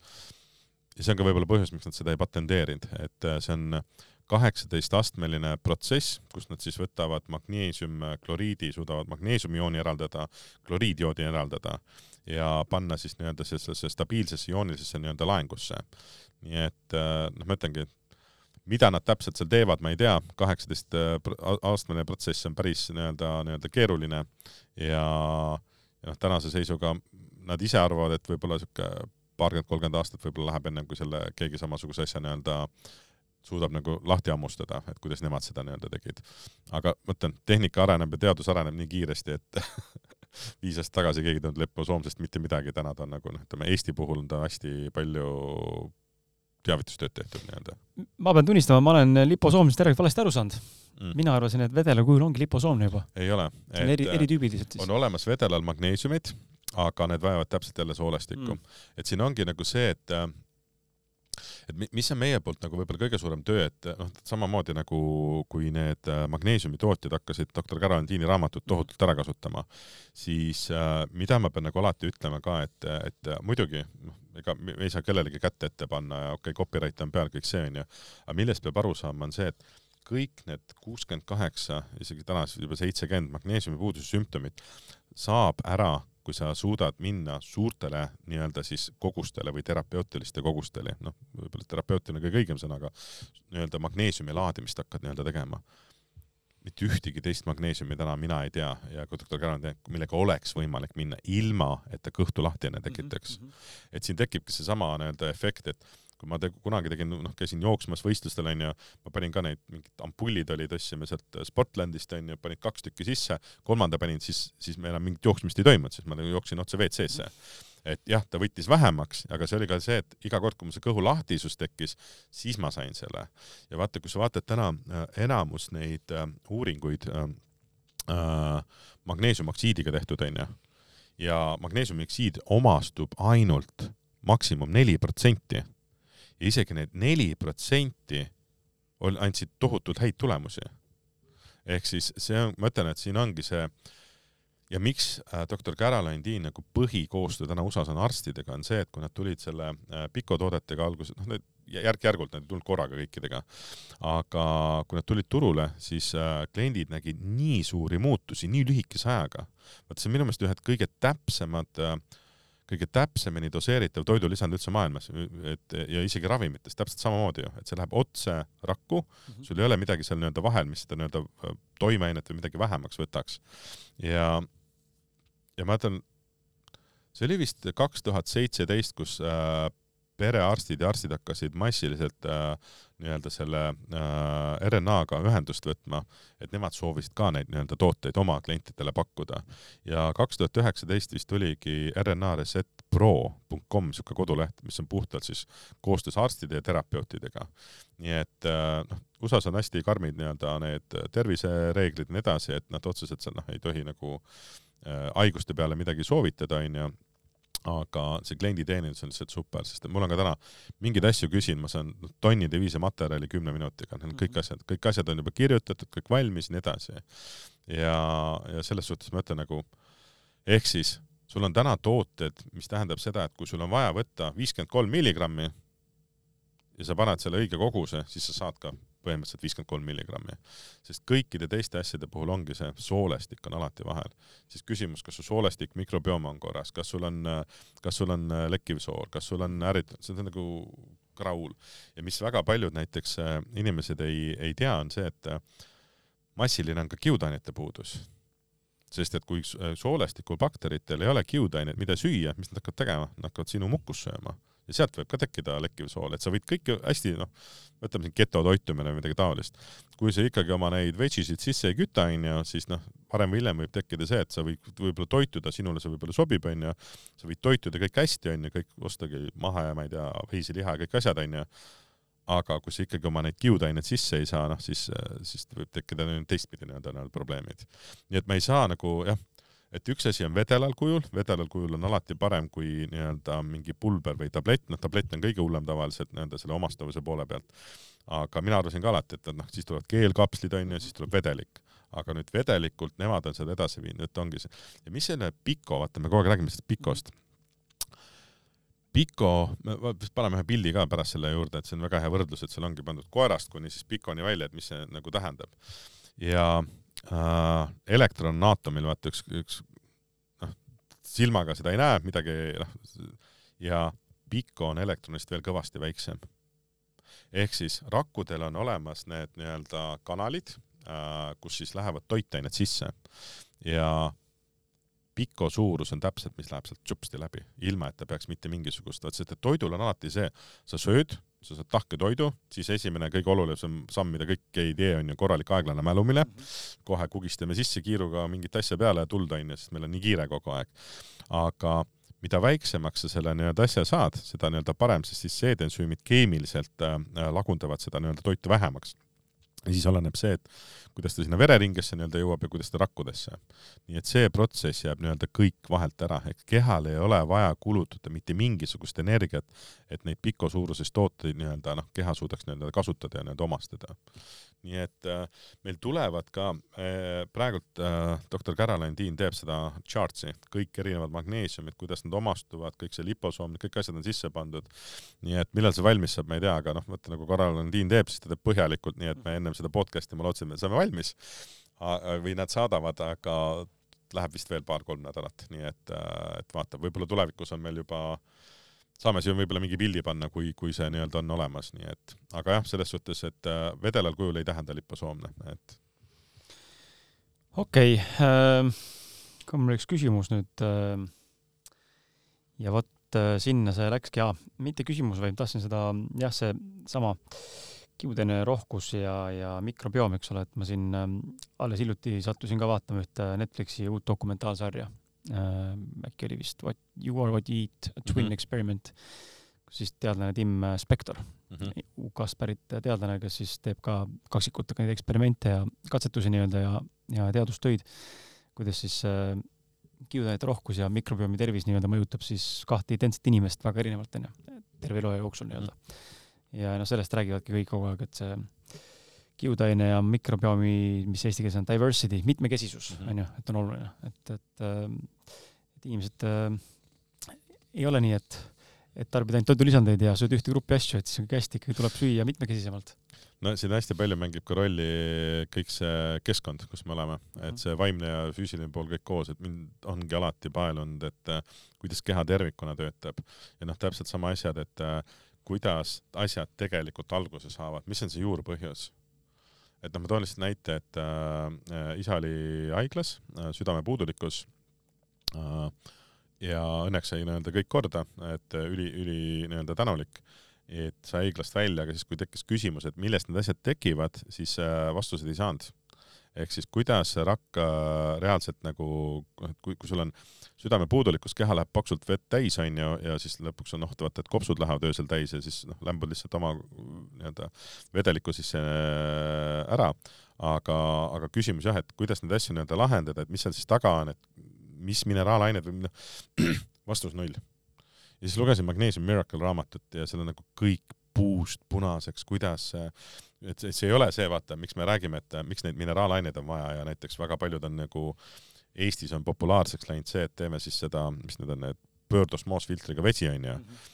aga millest me aru võib-olla ei saa ja ega ennem ka nagu väga palju tähelepanu teadsin, aga ma ei pannud kunagi siukest tähelepanu. kui sul mineraalained vees ei ole, siis vesi ei lähe rakku, vesi järgib mineraalained rakku ja näiteks Riimaidi puhul hästi äh, huvitav meil siin äh, paari treeneriga äh, nemad jälgivad vee, keha, raku seda sisaldust, et palju siis see on. noh, ideaalne siuke meestel viiskümmend onju ja siis ma ühe treeneriga suhtlesin, tegi, noh, tema teeb juba aastaid, jälgib seda kõiki asju, ta ütles, et ta ei ole kunagi üle neljakümne kahe protsendi saanud.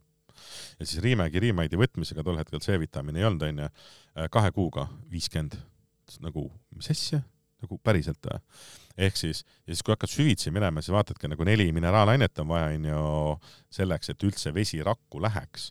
aga mis see tulemus on siis täna selle treeneriga, on see, et ta joob kordades vähem vett, aga ta on kogu aeg äh, veest nagu läbi imbunud, et sul ei ole siukest nagu noh, nii-öelda trenni ajal ka kulutab kordades vähem vett kui enne, mhm. sest enne väga paljud inimesed joovad vett, aga kehas ei omasta, nii et noh, nagu surnud nii-öelda ring.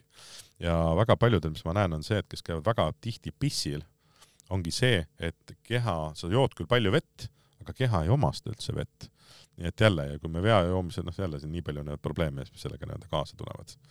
mina olen äh, märganud enda puhul äh, toitumisega sama asja, keha ei omista mm. -hmm. Et kas tulevad siis äh, terved tükid mm -hmm. C-tomate tükid välja, onju, see võib olla põhjus ka sellest, et ma närin nii kiiresti kukist alla, onju, loomulikult.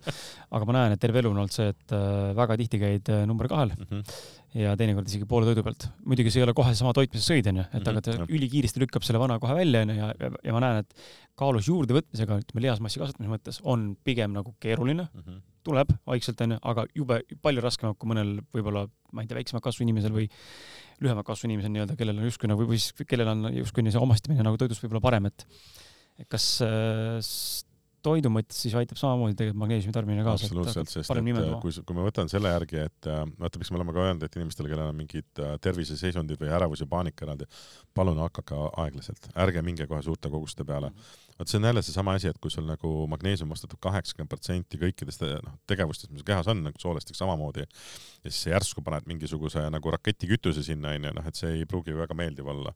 ärevuse ja paanika klientidel, kui nad ei hakka al äh, rahulikult algusest pihta, see võib veel suurendada. seda algul, noh, keha isegi mõnel ei võta vastu isegi kui ta omastub peaaegu sada protsenti, keha ei võta vastu seda nii, noh, ma tean juhtumeid USA-s, kus nad tegid Äh, kliendile kaks-kolm tilka liitri vee peale ja siis seda määriti peale ja niimoodi töötas ennast väga aeglaselt nii-öelda ülesse.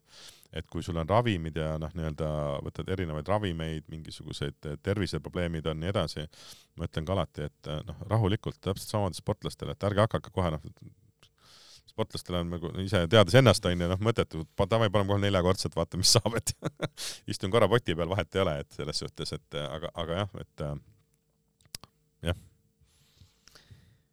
tuleme, tuleme siin, vaatan, lippan natuke mõned küsimused üle, saatsin tegelikult eelnevalt nendele vastanud ka ilusti äh,. isiklikult huvitab äh, natukene see sinu kohvisõltuvuse teema ka, mida sa saate alguses mainisid ka, mhm. et äh, kuidas see mõnes mõttes sai nagu lahenduse ja ja tooks võib-olla üldistatuna ka, üldistatuna ka muud nagu sõltuvused, suhkrusõltuvus ja, ja mis siin veel inimestel magusasõltuvus on küll sama, aga ma ei tea, mis sõltuvus inimestel, suitsusõltuvus või tubakasõltuvus või ma ei tea seksisõltuvus või ma ei kujuta ette või, või, või on selle äh, ekraanisõltuvus, eks ole, onju, mm. et äh, kas nutisõltuvus jah, et kas äh, võib nagu üldistatuna ka öelda, et äh, kuna sõltuvused ikkagi on pigem sellised, ütleme, keha mõne mõttes on kemi-, kemikaalide reaktsioonid, teistpidi ta on väga psühholoogiline, eks ole mm, -hmm. mul on sõltuv millestki. et siis magneesium tegelikult aitab ka üleüldistatuna ka, mitte ainult kohvi puhul, vaid äh, võib, võib aidata. ma, ma, ma, võib öelda iga asja peale, et ta võib aidata, aga ma ei oskaks nagu öelda, et kas nüüd sõltuvus, sest noh, mina olen ise äh, alkoholi maha jätnud äh,, ma olen jätnud suitsetamise suhkru kaheks-kolmeks aastaks, kolm isegi oli vist. et äh, ja, ja kui ma vaatan nagu selle poole pealt, siis äh, noh, kohvi on ju, täpselt sama asi, et miks enamus inimesi, vaata, see on hästi huvitav küsimus, kusjuures, kusjuures äh, kuna ma ise need Allan Carri need äh, meetodid kõik läbi teinud, noh, selle suitsetamisest vabaks oli siis Henry Jakobson, noh, kes peab seda parem isablogi onju, noh, ta siiamaani teeb. ja vot seal on nagu psühholoogiline, et sul on tehtud seda nagu ajupesu, et vaata, sul on tahtejõudu vaja, kõik see, mitte midagi ei ole tegelikult tahtejõuga. Neid inimesi, kes tahtejõuga jõuavad nagu kuskile elu lõpuni välja, noh, neid on ülivähe, et, et kes nii-öelda suudavad. et kohvi juures ma võib-olla ütleks pigem see, et äh, et olenemata, mida inimene ütleb, kas ta joob maitse pärast või mitte, tegelikult miks sa kohvi ikkagi jood, on see, et saada energiat. ehk siis magneesium taastab sinu energiavalud mm. -hmm. ehk siis seesama asi, see on nii massiline, see, see nagu äh, no vot, see ongi see, hommikul tõusid ülesse äh,, beebi pole lasknud sind magada, onju, siis äh, või, või sa jääd õhtul kaua mingeid tööasju tegema, onju, siis nagu ketrad seal oma neid, neid asju peas, järgmisi teemasid, tõused üles, siis sa oled väsinud, noh, ja siis ongi, et mis sa teed. kas sa magad kuskil nurgas, onju, või kui sul seda võimalust ei ole, onju, noh, selge, ma lähen võtan kohvi ja, ja ta hetkeks aitab aga tõmbab veel rohkem sind nii-öelda magneesiumist tühjaks. nii et noh, ma ütlengi, et looduslik äh, lähenemine ongi tegelikult see, et taastama magneesiumvarud ja et sul oleks kehal seda ATP energia tootmiseks piisavalt magneesiumit. sest jah, süsivesikud, valgud, rasvad, kõik on olulised, aga kui sul magneesium puudub mitokondrites, siis sa ei saa seda eluenergiat tuua. ja, ja sellepärast kõik ütlevadki, vaata siin pandeemia ajal ka kõik ütlesid, krooniline väsimus no ongi, vaata hommikust õhtuni tulevad ainult nagu noh, paned AK käima, onju. ärevust tekitavad uudised. ele-, elekter tõuseb, kõik asjad tõusevad, nii, hinnad tõusevad jälle, noh, stressiseisund tuleb nii, stressiseisund, kohe keha tahab C-vitamiini, magneesiumi. seda peale ei anna, mis juhtub siis ongi, jõuad jälle sinna defitsiit. defitsiit mm. -hmm. kõigepealt on, siis ongi seesama asi, vaata, lähed arsti juurde, tekib apaatsus onju, energiat pole onju, eluenergiat ei ole, istud seal, midagi ei jõua teha onju ja siis, ja siis saad ongi, diagnoosi, paned endale diagnoosi onju, siis annad veel hoogu juurde onju, tänu selle saad ravimid peale. jah, ma olen biofeedbacki õppinud neuro, neuroteadust hästi palju ja kvantfüüsikat ja neuroteadus on hästi lihtne onju, et see ongi, et oma mõtete ja asjadega, vaata keha on hästi huvitav, keha ei saa aru, mis toimub. kui sina mõtled äh, mineviku mingi traumade peale, keha jaoks on see, et sa elad nagu reaalelus seda nii-öelda läbi. tema ei saa aru, kas see on minevik või päriselt. Ja inimene mõtleb äh, päevas umbes kaheksa kuni kakssada tuhat mõtet, noh, võib-olla isegi rohkem, et mingi sõjaseisund on ju, siis noh, kogu aeg mõtled, aju jookseb nagu hullumoodi, mõni võib-olla isegi mõtleb vähem nii-öelda, oleneb, mis seisundis nad nüüd on. aga mida nad neuroteaduses avastasid, oli see et, et seitsekümmend viis protsenti sinu päevastest mõtetest on kõik negatiivsed, sest meie aju on niimoodi üles ehitatud ja ja nendest äh, mõtetest, mis sa iga päev mõtled, üheksakümmend protsenti on samad mõtted, mis eelmine päev. miks, sa teed kõiki asju samamoodi.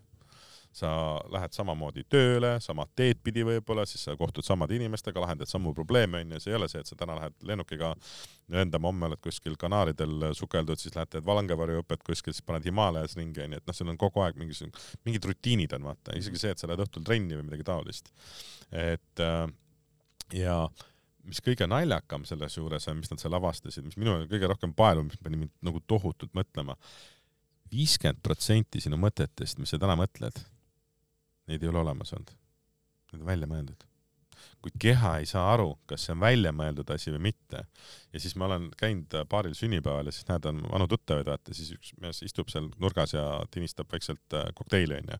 kellegiga ei räägi, siis lähed juurde onju, küsid, mis toimub oh, umbes nüüd mingid teemad vaata õhus või mingi kurb või midagi taolist onju ja siis äh, räägib teema ära onju ja siis huvi pärast küsin, millal see oli, kolm aastat tagasi vaata, sõber midagi ütles, vaata mingi riid. Kolm aastat veab seda ka ma arvan, et selleks ajaks see, mida tegelikult toimus seal, see on hoopis täiesti noh, see, see ei ole enam see teema ammu juba. et, et see paneb alati nagu mõtlemagi ja, ja ma ütlengi, et kui sul närvisüsteem ei ole rahustatud, sul tulevad hirmud sisse, noh, hirmud on ju kõige suurem, lumepalli veeretada on kõige lihtsam. Ja ise genereerid juurde veel täiega ja keha ei saa aru vaata, kas see on päriselt või mitte. Ja tekitadki tohutud traumad nii-öelda endale kasvõi kehale. et, et selles suhtes jah, hästi-hästi huvitav, kuidas meie aju nii-öelda töötab, aga kui sa oled sellest teadlik, siis sa saad ka juba sellega nii-öelda noh, et see ongi, mõte ei ole fakt, me kogu aeg unustame selle ära, me mõtleme mingeid asju, siis me mõtleme, et see on nüüd faktina, nii, tema ütles nii. Kui sa tegelikult mõtled, aga kui viiskümmend protsenti on välja mõeldud, et kas tegelikult nagu peab paika või ei pea. et ja noh, ma ütlengi, CIA uuris vist juba neljakümnendatel, et kui kaua sa pead laskma ühte mingit juttu, et see saab sinu nii-öelda reaalsuseks, noh, kolm kuud. kahekümne ühe päeva reeglit pole olemas, mitte ühtegi teadustööd ei ole, kinnitas kakskümmend üks päeva, aga on olemas kuuskümmend, kuuskümmend kuus päeva. kui sa teed mingit asja järjest kuuskümmend kuus päeva, siis see saab sinu nii-öelda alateadlikuks programmiks. Tahad äh, hakata, ma ei tea, tervislikult sööma, iga päev teadlikult, tahad hakata vett jooma. see ei ole see, et sa pead iga päev kaks liitrit vett sisse kütma, onju, ja ajad seda, oi, täna ei jõudnud nii palju juua, vaid see on see teadlik tegevus, et ah, okei okay,, täna ma joon vett, ma valan endale klaasi ja ma joon. ja seal on hästi oluline nüüd see, et kui sa tahad siukest uut programmi endale sisse panna, et sa võtad ainult ühe asja korraga ja teed sada päeva. aga sa ei tee ühtegi päeva vahele ette ja nüüd kujutad ette, vaata, kuidas on nii lihtne panna mingisuguseid, kuidas inimestel on võimalik programmeerida. Ütled talle iga päev, vaata, noh, laps saab diagnoosi ATH, kuule, sa ei suuda keskenduda, sul on ATH. iga päev paned niimoodi, sa ei pea igapäevaselt isegi tegema, teed seda üle päeva, paar-kolm korda nädalas, pikema aja jooksul, see saab tema programm. noh, et selles suhtes on nagu, aga jah, see on nüüd pigem sinna see, see biofeedbacki teema, kogu see pool, aga lihtsalt jälle hästi huvitav siukene kuidas aju töötab nagu. Ja noh, mida ma näen täna onju, kui sa saad magneesiumiga hirmud, sundmõtted, stressipunktid, depressioonipunktid paika onju, elu on päris lill. noh, seda negatiivset justkui mõjutust on justkui vähem onju no näiteks see ülitundlikkus, jälle magneesiumi puudus. Et me võtsime aparaadiga ülitundlikkuse punkte paika onju ja noh, vaata, kui sul on traumat, aga nii edasi, muutud ka ülitundlikkus, kergemini solvud, kergemini ärritud ja nii edasi. aga, aga magneesium on üks see, mis võtab ülitundlikkuse ja kaasa arvatud ka kõik need raadiolained asjad. see on see, mis kaitseb nii-öelda rakke. ja kui sa vaatadki täna, et inimesed on siuke kaheksakümmend üheksa protsenti elanikkonnast on äh, keskmises magneesiumi puuduses või tugevas magneesiumi puuduses, siis on arusaadav, et miks need asjad kõik niimoodi lähevad. Jaa äh,, lähme siia kilpnäärme juurde mm. -hmm. see on äh, mulle viimasel, noh, võib-olla tänu sellele ma olen lihtsalt sellega, ma olen Rene Pürklandiga palju aega koos töötanud, aga mm -hmm. viimasel lihtsalt väga palju kilpnäärmest on äh, räägitud, eks ole, siin ütleme viimase aastaga. ala ületalitus, mulle endale tundub, et mul võib sellega probleem olla ka mm. -hmm. mul vist on üle, ma jälle ei tea, aga mulle kuidagi nagu olen jõudnud sinna, et seal võib olla midagi ka. Et natuke räägi sellest ka mulle, et mis sa nagu tead äh, ja, ja kuidas äh, magneesium selle funktsioone või, või siis mõnes mõttes toetab või, või suunab mm? -hmm no, ütlen ausalt, et seda kilpnäärme teemat, et kuna meil ei ole ise kunagi niisugust kokkupuudet olnud, siis ma ei ole võib-olla seda nii põhjalikult selgeks teinud äh, kui teisi asju, sest see on natukene keeruline. küll aga see äh, kilp, kuidas taastada kilpnäärme talitushäired, raamat on meil olemas, tõlgitud, tuleb ka paberkandjal, hetkel on ta digi, digiversioonis saada meie kodulehel. Ja mis minu jaoks oli näiteks üllatus, oli see, et äh, kilpnäärme raamatut digikujul on äh, neli-viis korda rohkem alla laetud kui näiteks ärevuse raamatut mm.. ja ma jõuan kohe kilpnäärme juurde ka, aga näiteks kõik, kellel on ärevus, selle on ka kilpnääre kurnatud. kilpnäärme on selles suhtes ülioluline, et ta äh, vist isegi üle, kas see oli üle viiekümne hormooni, mis kilpnääre nii-öelda töötab ja noh, siin ongi organismi ainevahetuskiirus, südamefunktsioonid, igasugused seedefunktsioonid ja eriti just äh, valgusünteesi puhul nii-öelda siis igasugused lihaste kontroll, aju arengut äh, mõjutab täpselt samamoodi äh, meeleolu, toiduainevahetus, vitamiinide ainevahetus, see on nagu nii palju asju, millega nii-öelda, see on üks põhiorganeid ja, ja näiteks rasedad ja need, kes on sünnitanud, noh, need on ka täiesti kilpnäärmed, täiesti vare, ma ütlen ausalt. Ja vaata, me kogu aeg teame seda, et kilpnäärme nii-öelda, et kilpnäärme korralikuks toiminguks on vaja sul joodi kui sa seda liiga palju võtad, siis teeb vastupidise efekti. aga mida väga paljud ei tea, et tegelikult on vaja kokku üheksat mineraalainet, et kilpnäär üldse korralikult aktiveeruks. ja, ja doktor Caroline Deanil ongi see põhiraamat, mis on see kilpnäärme raamat siis, Riimait. See on tegelikult välja töötatud selle jaoks, et kilpnääre korralikult töötaks, aga ka taastuks.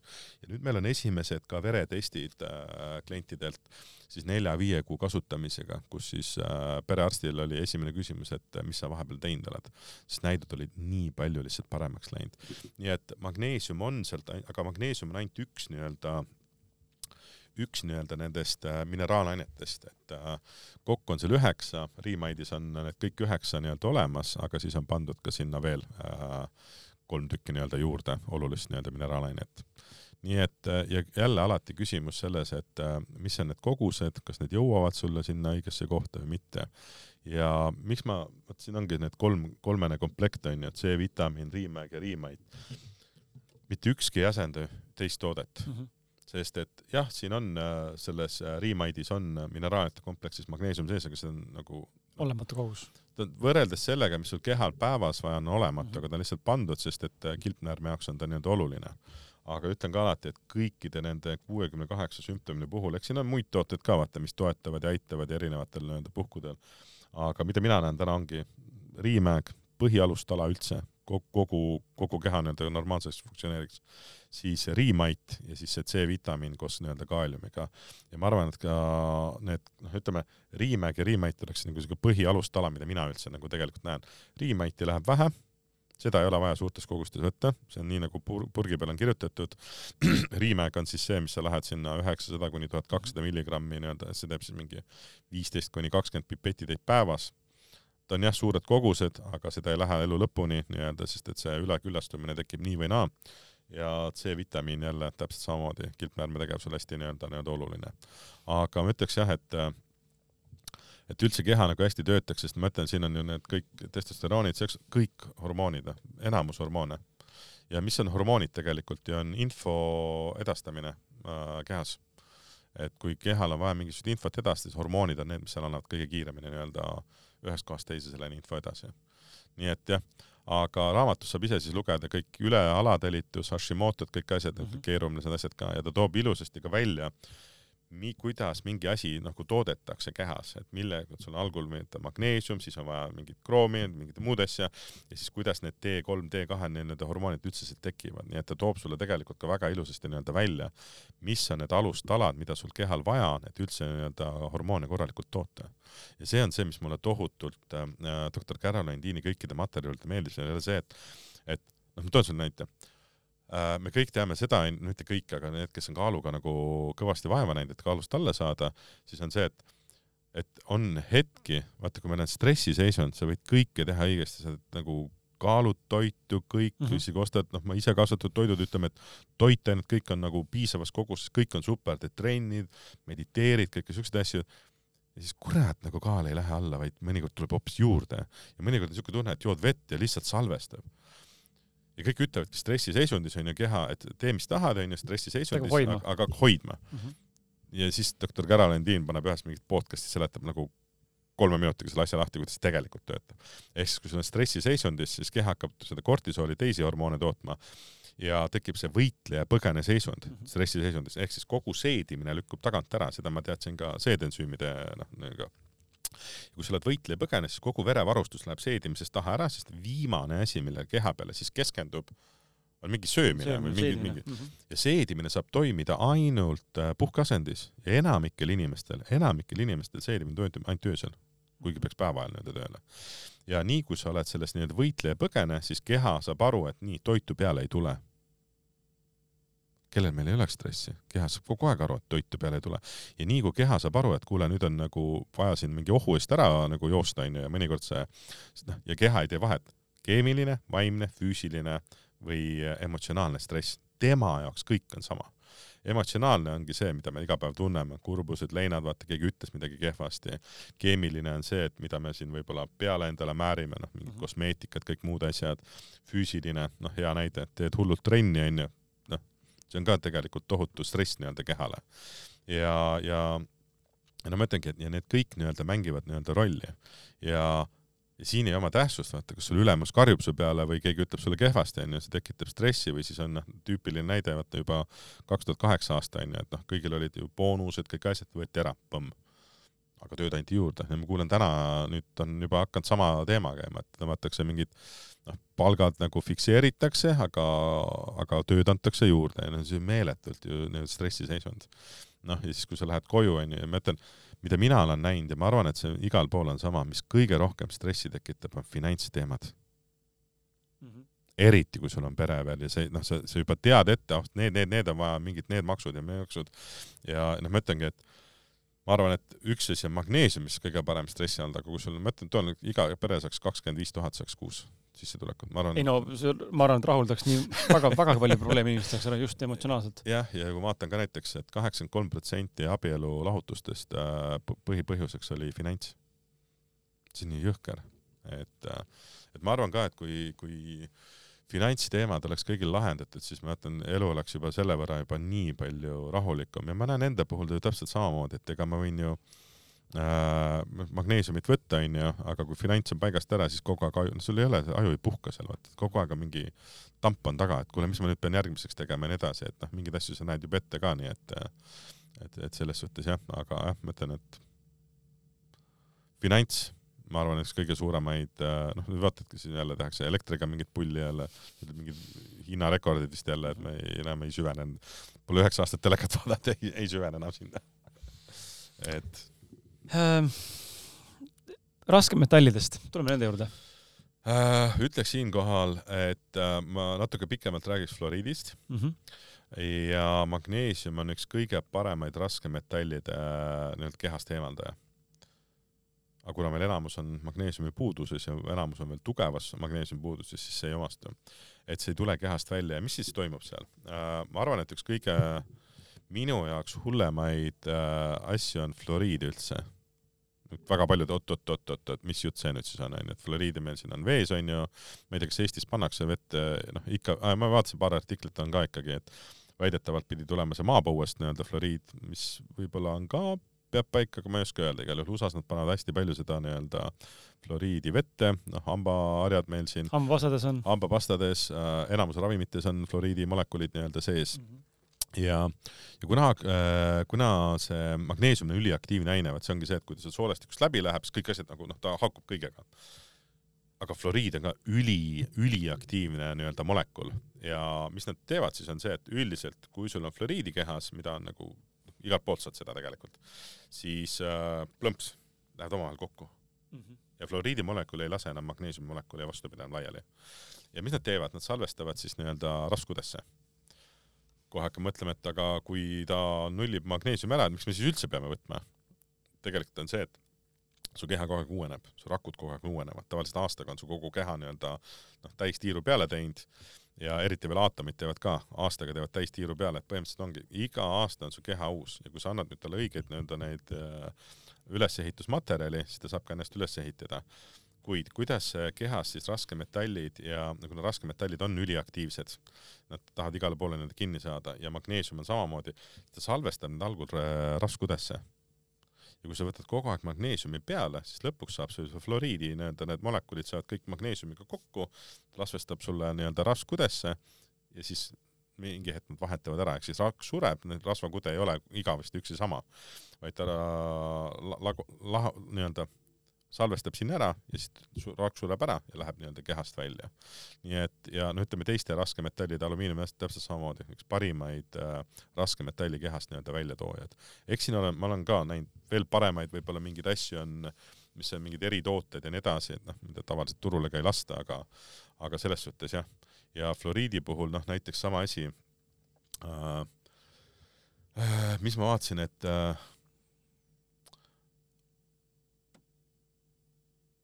ma ütleks võib-olla niimoodi, et äh, üks Achilleuse kõõlus, rebend, selle kanna ülaosa rebend nii-öelda, mida on nagu spordimaailmas nagu massiliselt. Ja mida doktor Caroline Dean arvab, ongi see, et äh, magneesium äh,, magneesium ja siis fluoriid moodustavad äh, magneesiumfluoriidi.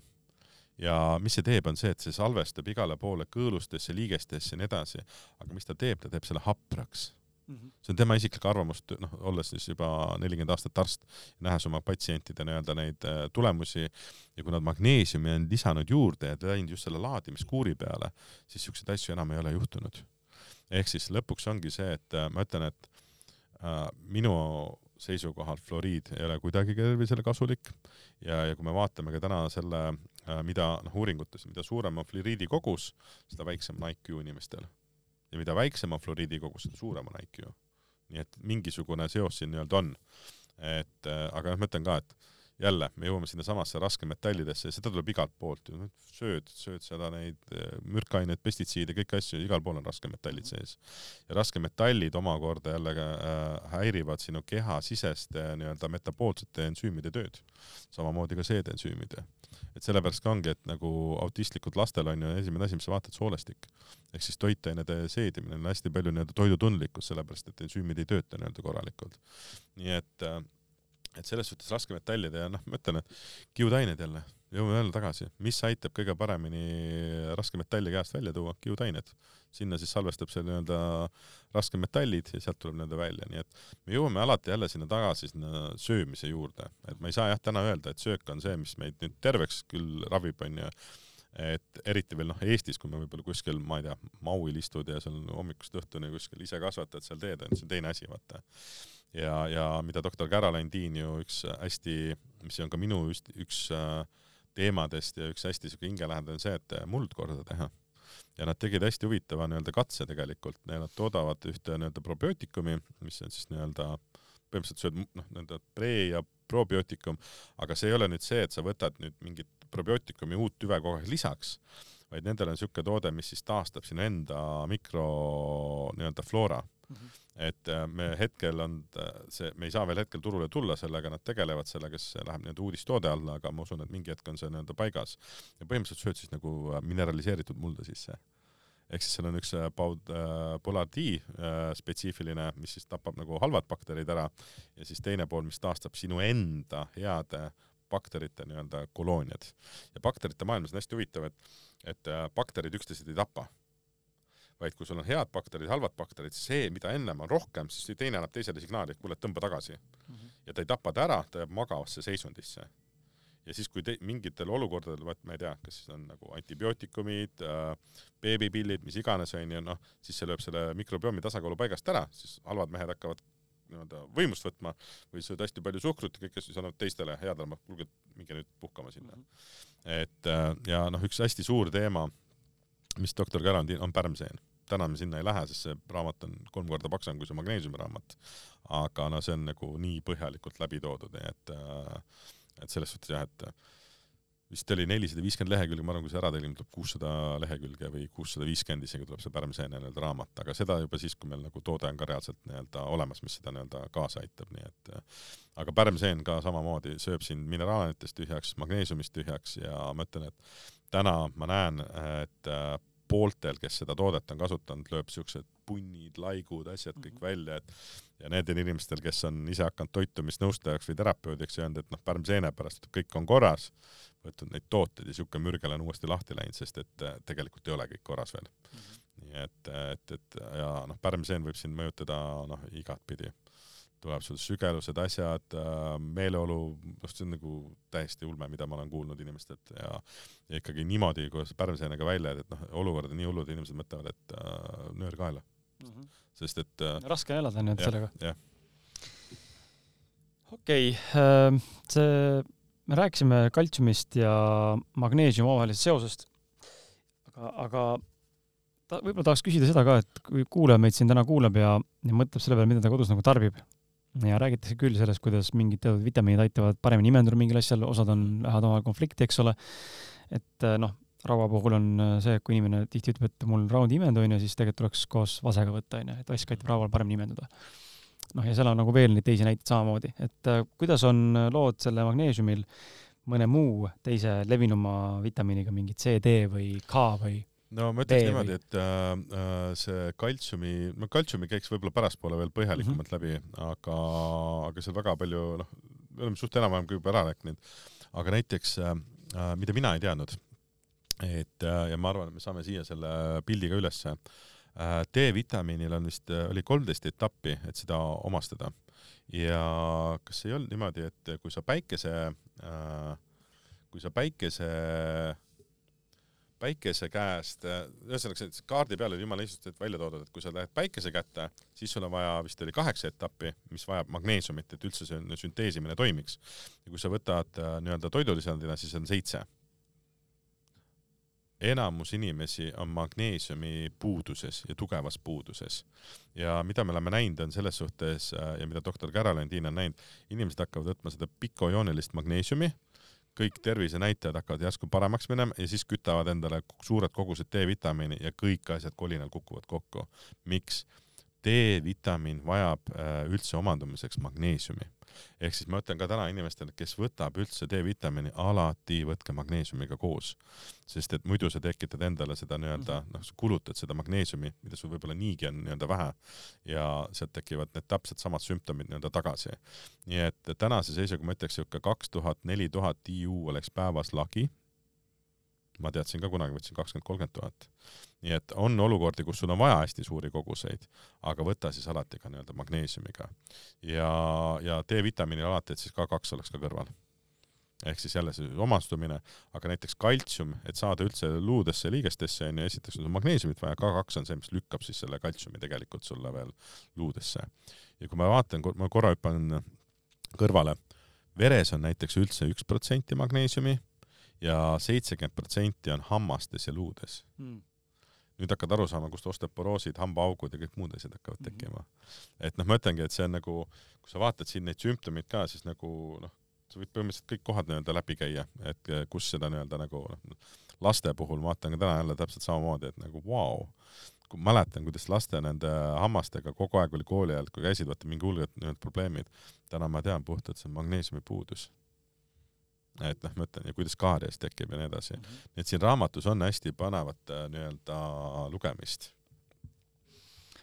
sa korra mainisid ka seda magneesiumi puudulikkust, tegelikult rohkem kui korra, aga mis on see nagu lagi, mis, mis võiks juhtuda inimesega, kes ähm, noh, selge see, et praegu sind kuulates siis tundub, et me oleme elanud enamik ajast tsivilisatsioonina mingisuguse perioodi juba väga tugevas puudulikkuses mm. -hmm. aga mis see nagu lõpp lõppstaadium oleks just selles osas, et, et noh, on see surmav lõpuks või mis juhtub, kui mingisugune selline vitamiin nagu magneesium lõpuks täiesti otsa saab, ilmselgelt täiesti otsa ta kunagi ei saagi, onju, mingisugune kogus tal alati kuskilt ju tuleb, onju aga, aga mis on nagu kõige viimane nagu aste, kus kohas see muutub nagu nii kriitiliseks, et enam võib-olla nagu ma ei tea, päästa pole ja mitte hirmutada inimest, et anda aimu, et kas see, kui oluline tegelikult on selle, selle teemaga tegeleda, et sa võid siin kuulata küll mõelda, ah jälle müüb mingit toodet onju või mingisugune üldistatud jutt onju, kõik räägivad iga kord erinevatest vitamiinidest, kõik on oluline.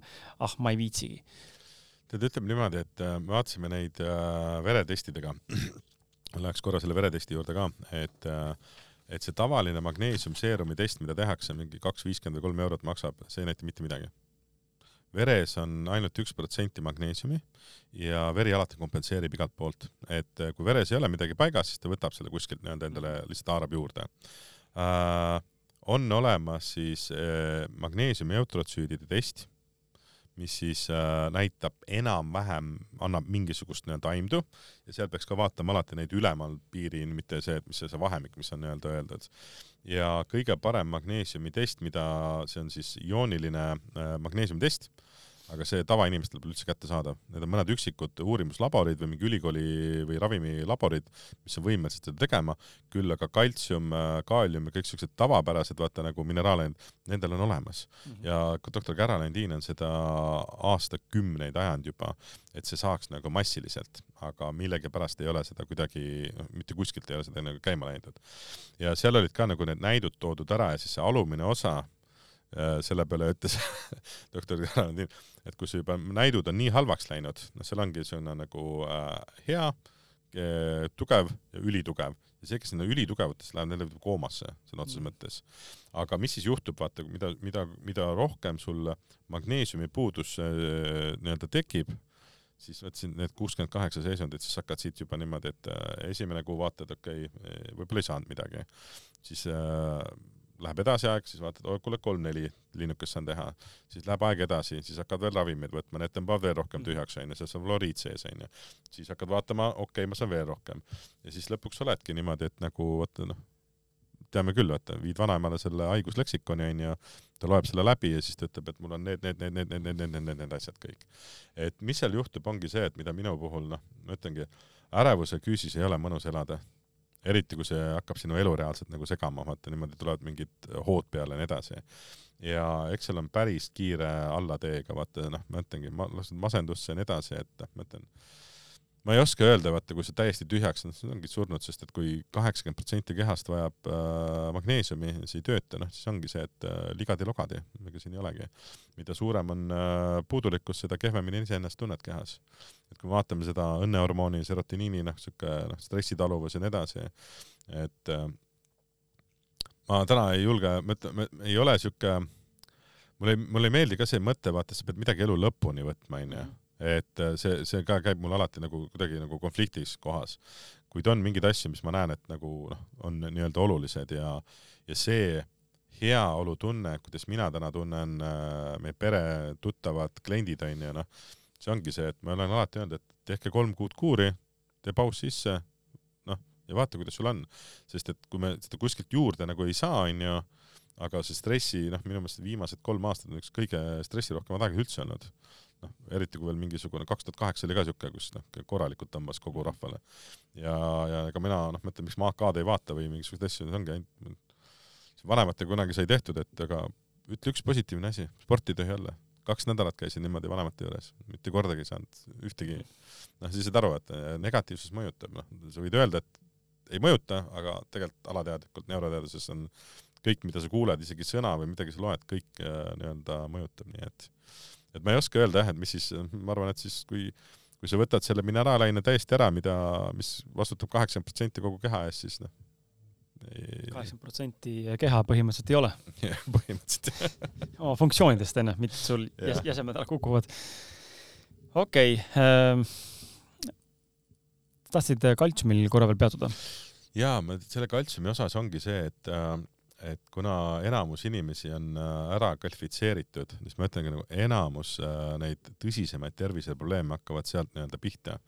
noh, ma ütlen ka see äh, ja ma ütlen, et noh, ma ütlen keskmine tänapäeva Eesti peal, ma arvan, see on kümme ühele ja viisteist ühele, mis see kogus on, tegelikult peaks üks ühele olema. ja vaata, ma tõesti merevees oli ka hästi huvitav äh, fakt, et merevees on äh, kaltsiumi ja magneesiumi suhe, et magneesiumit on kolm osakest ja kaltsiumit on üks. Nii et noh, täna ka ise vaatan rohkem pigem siuksed äh, siuksed Vahemere dieedi poole pigem rohkem või midagi taolist, et äh, et kust veel nii-öelda nagu looduslikult seda magneesiumi nii-öelda juurde saaks. aga jah, enamus ongi see, et vaata, meil kaltsiumi pannakse ju peaaegu igale poole. noh, osadel, me teame, et vaata piima sees on palju kaltsiumi ja nii edasi juustud onju, aga kui me vaatame näiteks mahlade sisse, väga paljudel mahladel, mis sa poeriiulist ostad, on veel kaltsium lisatud. et seda kaltsiumit tuleb nagu hommikust õhtut igalt poole, aga magneesiumi ei tule, mis seda nii-öelda vedelal kujul hoiaks siis nii-öelda rakkude sees. ja kaltsiumil on vaata see ma olen kogu aeg mõelnud, kuidas see ärevus ja see paanika nii-öelda tekib, et kaltsiumi puhul on see, et ta läheb sul, noh, magneesium on sees, mis hoiab kaltsiumiooni kanalid lahti kokku mm, -hmm. tema on see nagu see peremees seal. aga kui see peremees seal pool aega ei ole, vaata seda noh, puudulikkus on, siis ongi see, et kaltsium läheb sisse, ta peaks minema sisse, annab selle siis potentsi, et kas ta siis äh, käivitab midagi, onju, või siis paneb lihase nii-öelda korra tööle, siis ta saadab kohe selle kaltsiumi nii-öelda tagasi, nii et kaltsiumil on ülioluline roll kehas. aga kui seda liiga palju on ja magneesium enam ei valva seda nii-öelda kanalit, siis see kaltsium läheb kohjub ja kuhjub ja kuhjub ja kuhjub ja tegelikult peaks olema kümme tuhat ühikut ühele, peaks olema nüüd raku sees. aga kuna ta tekitab siukse energiapotentsiaali laengu ja siis, kui seda kaltsiumit läheb hästi palju rakkudesse, sealt tulebki ärevus ja see paanika, et sul on kogu aeg keha siuksed nagu, vot siis hakkavad närvi need silmatõmblused ja kõik asjad nii-öelda pihta. ja, ja ainuke koht, kus ma täna inimestele soovitaks, meil on ka pikokaltsium nii-öelda olemas, aga ma ütleks, et pigem äh, veganitele ja pigem inimestele, kes piimatooteid ei, noh, väga vähe tarbivad. et seal me, me ei oska nagu öelda, noh, kuussada milligrammi võiks olla niisugune keskmine päevas et kui toidupäevikut pidada või midagi taolist, et siis sa saad päris kiiresti aimdu, et palju sa seda kaltsiumit, kas seal on piisavas koguses või on natukene vaja juurde võtta. aga üldiselt võib öelda, et inimesed, kes piimatooteid tarbivad, siis nendel on see niikuinii täiesti nii-öelda kaetud aga neil on pigem see, et magneesiumi nii-öelda puudus on. nii et kui me räägime insultidest, infarktidest, kõrgveretõhib, on ju siin kolesteroolid, asjad, siis me jõuame jälle kaltsiumi juurde tagasi liigne kaltsium on see, mis selle nii-öelda probleemi nii-öelda käivitab. et see keerab paljudel võib-olla jah, teadmised pea peale nii-öelda, aga ma ütlen, soovitan raamatust veel põhjalikumalt need asjad nii-öelda enda jaoks läbi lugeda, aga jah, see oli hästi huvitav aru saada, kuidas see ärevus ja vot see nagu see pinge sinna kehasse nagu tohutu mm -hmm. nii-öelda sisse jääb, sest et magneesium lõdvestab lihaseid, kaltsium tõmbab kokku, noh, ja kui kaltsiumi vähe on, siis tekivad, võivad tekkida samad probleemid et noh, kõik asjad peavadki olema nii-öelda tasakaalus.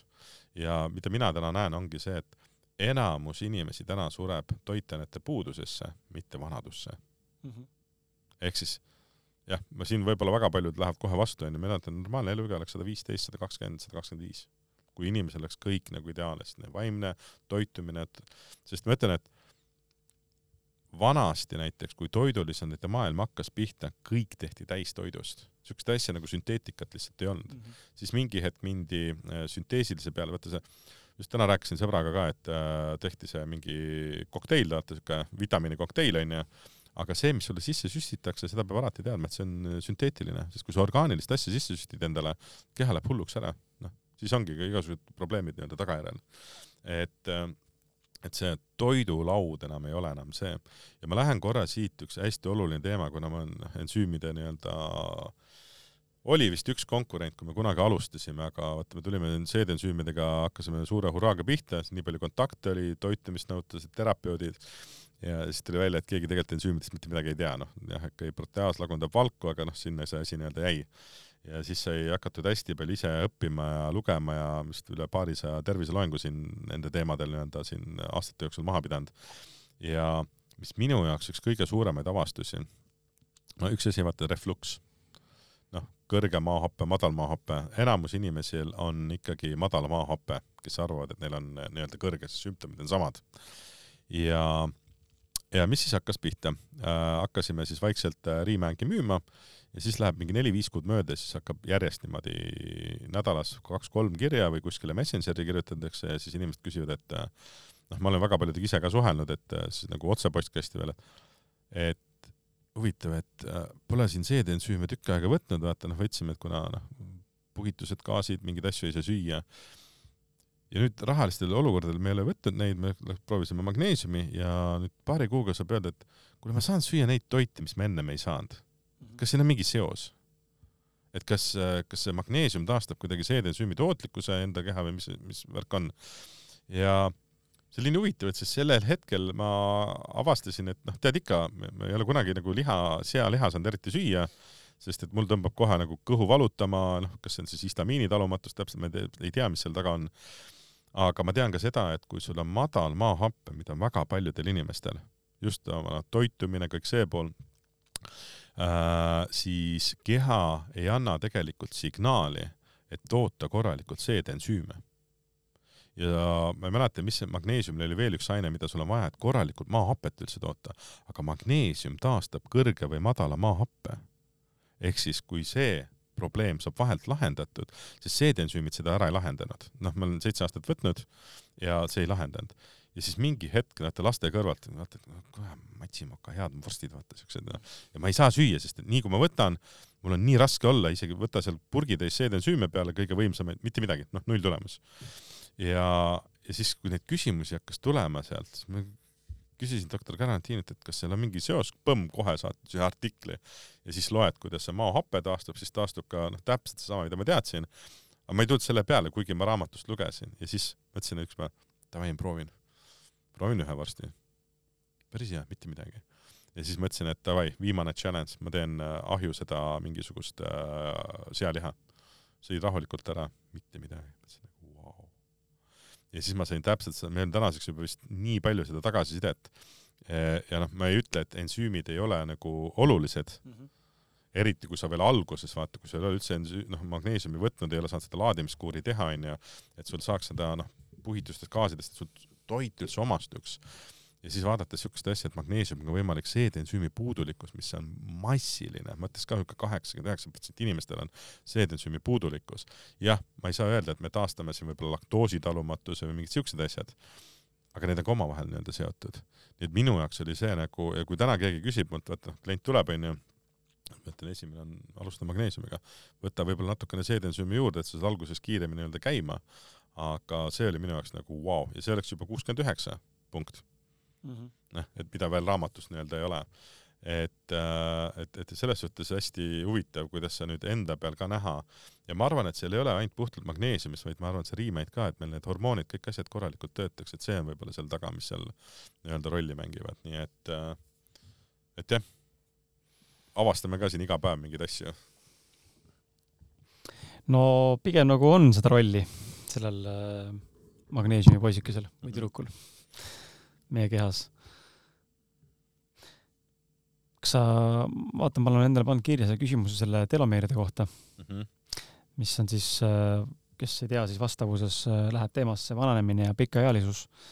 et äh, kas sa tahad sellest natuke rääkida? jah, see oli üks asi, mis ma unustasin enne kaltsiumi juures öelda, et liigne kaltsium võrdub kiirem vananemine mm. -hmm ehk siis magneesium tegelikult kaitseb telomere et äh, need just nimelt öelda, loetakse neid telomeri otsasid, mis on kõige olulisemad mm. -hmm. mida kiiremini telomeri otsad nagu vähemaks jäävad, mm -hmm. see ongi sinu nii-öelda siis elu nii-öelda see pikkus või nii-öelda. ja magneesium on üks kõige olulisemaid asju, et hoida telomeri nii-öelda tervena ja et midagi sinna nii-öelda, nii et ma ütlengi, et tänase seisuga ma ütlengi, liigne kaltsium võrdub liigne kiire vananemine. ja kuna meil enamus inimesel on kümme ühele, viisteist ühele, noh siis, siis nii ta ongi küsiks korra selle toote kohta ka, et ähm, need pudelid, mis siin laual inimestel hetkel silme ees on äh,, mis need kogused on siin äh,, mis see pudeli suurus on? nelisada kaheksakümmend milli on ju pudelid. et kas need on kuu, kuukuur või? nii-öelda. noh, seda, seda jagub kauemaks, eks ole. tegelikult äh. seda jätkub äh,, suurt pudelit vist jätkub äh, mingi kaheteist nädalaks vist ja riimaiti okay. oleneb, kuidas sa võtad, noh, mõnikord unustad võtta, mõnikord võtad natuke rohkem, et aga riimäegi äh,? Riimägiga on see, et äh, kui sa lähed nüüd laadimise peale. kogus on sama, nelisada kaheksakümmend suurus ma ütlen. aga ütleme niimoodi, et Riimägi laadimise kuur võib ollagi niimoodi, et äh, kuu aega jagub seda. et kui muidu ja, ja no ma ütlengi, et pakendi peal on küll sada viiskümmend milligrammi onju, aga noh, ütleme seda, et inimene vajab tavaliselt keskmiselt siuke kolmsada kaheksakümmend, nelisada.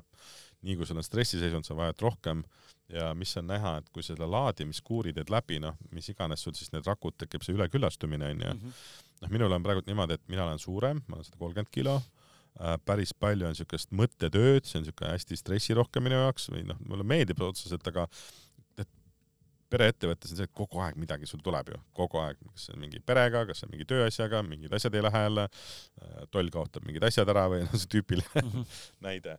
et äh, minul isiklikult äh, kulubki tuhat kuni tuhat kakssada, ma ei ole veel jõudnud sinna, ma, ma jõudsin äh, üleküllastumisega, ma arvan, et see oli sellepärast, et ma võtsin kaks tuhat milligrammi päevas ja siis lõi küll kõhu alt ära põhja alt ära, aga see oli siis jälle pool päeva võtsin tagasi, siis ma võisin jälle mingi tuhat, tuhat kakssada võtta. nii et ma ei oska sulle öelda, aga meil on päris palju inimesi, kes on täna jõudnud üleküllastumise faasi ja nemad võtavadki nelisada kuni kuussada milligrammi päevas, nii et siis jätkub seda kaheks kuuks nii-öelda mm, -hmm. et äh, tean inimesi, kes saavad äh,, kes on jõudnud üleküllastumisega kolme pipetiga, noh siis sa võid seda siin juba neli-viis kuud võtta nii-öelda. Et et alguses jah, seda laadimisaega läheb palju, noh, võta näiteks äh, meil siin paar referentsi Eestis, neerukivid, sapikivid. enamus, mis seal on, on äh, liigne kaltsium. tuhat kakssada milligrammi, kaks-kolm nädalat lahustunud mm. -hmm. ma olen ka kuulnud väga paljudelt inimestelt, kes on hakanud korralikult jooma peedimahlasid, asju on täpselt samamoodi need ära saanud. aga noh, enamus neid nii-öelda neid äh, protokolle ongi see üheksasada kuni tuhat kakssada. see ei tähenda, et sa elu lõpuni pead seda nii-öelda võtma, aga noh, ma ütlen, sportlased on vist kõik noh, tippsportlased, need, mis kulutavad kõige rohkem, see on isegi kümme kuni viisteist milligrammi kilo kahalu kohta, see on nii ulme kogused, mis nad, äh, mis nad tegelikult vajavad. spordiraamatust tuleb ka välja, vaata, miks sportlased kukuvad kokku, noh, süda seiskub, kõik see asi kui me vaatame selles suhtes, kui palju magneesiumi on kehas, on ju, siis seitsekümmend protsenti on äh, hammastes ja luudes, äh, üks protsent veres, aga ülejäänud läheb lihastesse ja mis on kõige suurem lihas, mis talletab kõige rohkem magneesiumi? süda aga kui sul on kaltsiumit kogu aeg, kõik südame, kaltsium on hästi oluline, et süda suudaks pumbata, aga samamoodi, et ka suudaks lõdvestuda, sest see on ju vaata kogu aeg, tõmbab kokku lahti mm, -hmm. kokku lahti. aga kui nüüd ühte nagu tõmbab ainult kokku, kokku, kokku, kokku ja siis lahti ja siis vaata need igasugused trombiohud ja, ja need, noh, siis me jõuamegi sinna, nii et spordiraamat toob nii ilusasti välja need kõik need valupunktid sportlastel, mis on, noh samamoodi energia tootmine, vaatame täna nagu treeneritega, kes on hakanud tarbima, onju, noh mingi aeg läheb mööda, viskab pre-workout'i, ütleb, mis kuradi toode see on teil? et kui ma ennem suutsin kaks tundi teha üliintensiivselt, nüüd ma panen neli tundi ja nagu võiks, võikski laskma jääda, et no kuidas see võimalik on? aga kui sa vaatad nagu selle poole pealt, et äh, magneesium on ülioluline, et energiat toota, siis kui me vaatame, väga paljud ajavad näiteks sportlased ajavad sassi äh, liigne kaltsium kehas, mis siis tekitab nii-öelda neid äh, spasme ja nii-öelda krampe ja tegelikult ei ole mitte midagi üldse isegi piimhappega teos lihtsalt liigne kaltsium on see, mis mhm. tekitab seda valu. ja kui sa võtad selle nii-öelda piisavas kogus magneesiumit mingi aeg ja ta noh, esiteks lihased on lõdve, noh lõdvestunud mõnusalt, et ja, ja seda kaltsiumit ei ole seal, mis seda nii-öelda kogu aeg krampis hoiaks, siis noh, taastumine on kordades kiirem nii et ma ei saa öelda, et sa saad nüüd, ma ei tea, noortega siin kohe võistlema minna, onju, aga sul on tohutu eelis teistele. ja noh, ma tean, kuna ise olen ka hästi palju spordiga just tegelenud, et et sportlased vaata üli ettevaatlikult enne suuri võistlusi, noh, toitumine on nagu nii paigas, et ainult need asjad, mis sul tegelikult sobivad.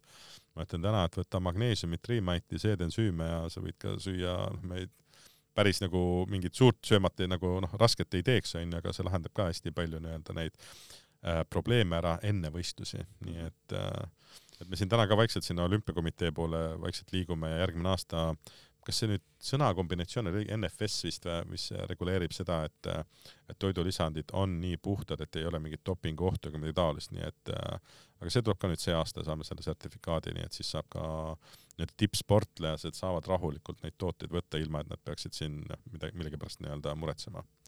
nii et jah aga, aga jah, ma ütlen, see kaltsiumi ja magneesiumi omavaheline mäng on ikka noh, yin-yang mm., mõlemat on vaja, ei saa ilma üheta, ilma nii-öelda teiseta, nii et. kas on äh, juhuslikult kellelegi vastunäidustatud? selle tarbimine äh,? tegelikult on niimoodi, et magneesium on vastunäidustatud ju neerupuudulikkuse inimestega. see on nüüd ainukene toode, millega sa saad võtta, aga jälle, sa pead hästi aeglaselt alustama mm. -hmm. Äh, ma ei tea ühtegi vastunäidustust peale seda, et vaata, doktor Caroline soovitab igal pool, et panna seda Himalaia soola või siis kelpsoola või midagi. no mina ei saa soolaga juua. Mul tõmbab põh-, põhjakoha nii-öelda alt ära. Et see on ainuke asi, mis ma olen näinud. Ja ärevuse klientide puhul on see, mis ma olen näinud, et inimesed hakkavad liiga suurte kogustega. ja see tõmbab kõik kehaasjad nagu korraga tööle onju ja siis see ei ole äh, väga mõeldav, nii et et kui sul on äh, ravimeid, kui sul on äh, tervise, tugevad terviseprobleemid, sul on ärevus, paanika onju, kui sa oled kuskil noh, ma ei tea, depressioonis, ma alustaks aeglaselt. Ja aeglasena tähendab ikka nagu, nagu viis-kümme tilka korraga, siis võtad seal äh, kaks-kolm päeva, siis tõstad natukene tervemad, need sportlased ja terved inimesed, noh, võivad hakata ühest-kahest pipetist, siis tõstad null koma viie pipetiga nii-öelda ja niimoodi töötad ennast kahe-kolme päevaga, noh, nii kaua, kui sul aega võtab. ja alati, kui sa hakkad võtma magneesiumit ja väga paljud hakkavad väga kiiresti, liiga kiiresti tõstavad, võib tekkida väsimus. nii kui sa tunned väsimust, tõmba kohe vähemaks. sest et tervenemisel keha vajab rohkem energiat, noh, ja see energia tootmine ja noh, ma ütlen ka siin nende toidulisanditega, mõnel töötab see nagu esimene päev, ma kuulen mingi noh, ulmejutte, aga ikkagi võime arvestada sellega, et energiatootlikkus kolmkümmend päeva, sellega võid arvestada. kui seda ärevus, paanika on kõige raskemad kliendid kolme kuuga ära saanud, noh, mõnel kahega juba, mõnel juba ühega. et see on, noh, inimesed on täiesti erinevad selles suhtes, et kuidas need asjad nii-öelda töötavad, aga ma võtan korra otsin paar märget üles endale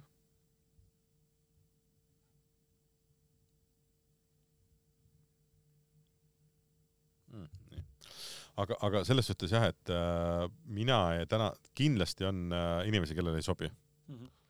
ma mõtlesin kunagi, et seedensüümidel, et pole siukest inimest olemas, kellele seedensüümid ei sobi, sest et su keha ise toodab neid ja sel pool ja põmm, leidsin kohe ühe edasimüüja, kaks äh, naisterahvast, ei sobi. noh, vahet ei ole, mis ensüümi võttis, olenemata, kas meie omased või teisel, kohe hakkasid kõhuprobleemid pihta. nii et. mina olen ka see inimene. oled jah? okay..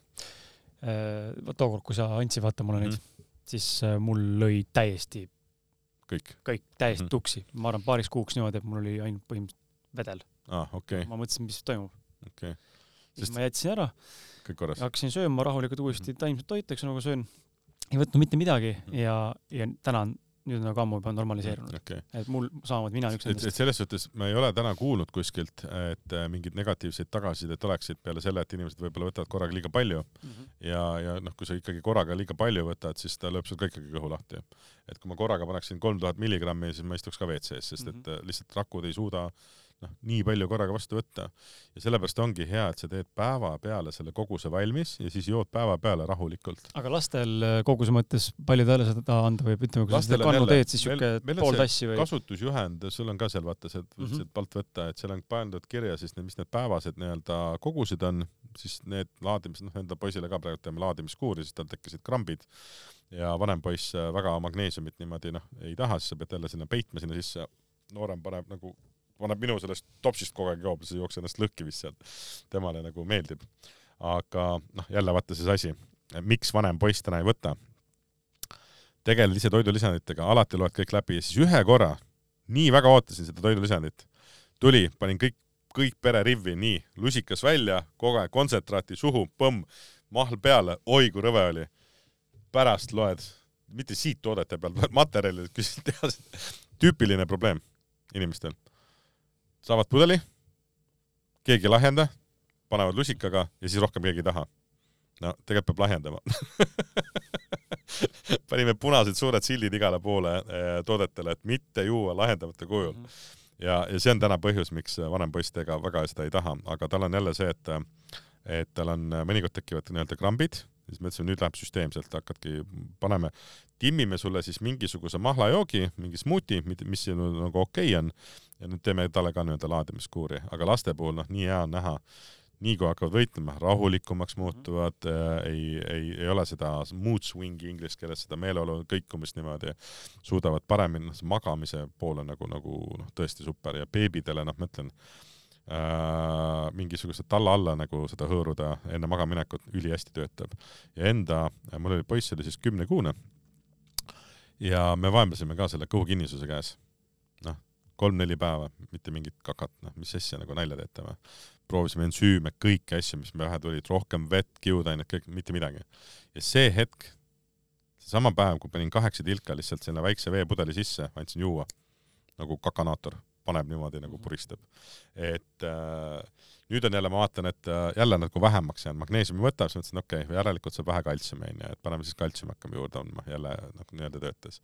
et ega see ongi siuke igalühel siuke katsetamise asi ja nii edasi. Ja ma kõigil soovitan, kellel on närvivalud, proovige katsetage, ma ei saa öelda, et igal pool alati sada protsenti töötab, aga siiamaani enamusel, no ma räägin nagu enamusel kõigil on niimoodi, et endal oli ka omast arust tegin suure avastuse, vaata, et oh, närvivalu puhul aitab, et USA-s massöörid kõik kasutavad seda riimägi, panevad kliendile peale, hõõruvad sisse seda riimaiti onju, noh super tagasiside. ja, ja närvivalud pidi ära võtma, siis lähen naise juurde, ütlen, kuule, näed, siuke, siuke, siis naine vaatab, kuule, ma kuus kuud juba niimoodi kasutanud, et sa ei teadnud või? ma ütlesin, ma kunagi vist, et ma kunagi talle midagi mainisin, aga ma unustasin täiesti selle ära. kaks nädalat läheb mööda ja siis selle, mis see on, see tiivanuki taga, vaat see närvivalu mm. -hmm tee, mis sa tahad, vaata see võimle, kuidas tahad sellega, määrime, kuidas tahad, ikka läheb kuus kuni seitse päeva või mingi neli kuni seitse päeva ja siis ta on kadunud. paned seal, hoiad soojas ja nii edasi. ja siis mõtlesin, et okei okay,, testime, mulle meeldib testida. naine tuli, määris sisse ja saad aru, see oli vist siuke, ma ei saanud lapsi sülle võtta, sest siuke närvivalu oli. ja siis nad seal karjusid seal, vaata, väiksem näitab, võta sülle kogu aeg. ja mõtlesin, ma ei saa lihtsalt, lihtsalt ei saa, sest see valu oli siuke, ma ei tea, kuus-seitse, noh, ta oli ropult nagu ma ei mäletagi, millal niisugune närvivalu veel oli. ja naine hõõrus sisse ja siis saad aru, mingi kaks minutit läheb mööda või, siis tõmbas mingi null koma viie peale või ühe peale valu, nagu päriselt või. Ja vaata, mina olen see, et ma tahan nagu mitu korda üle, ma ei taha nagu niisama.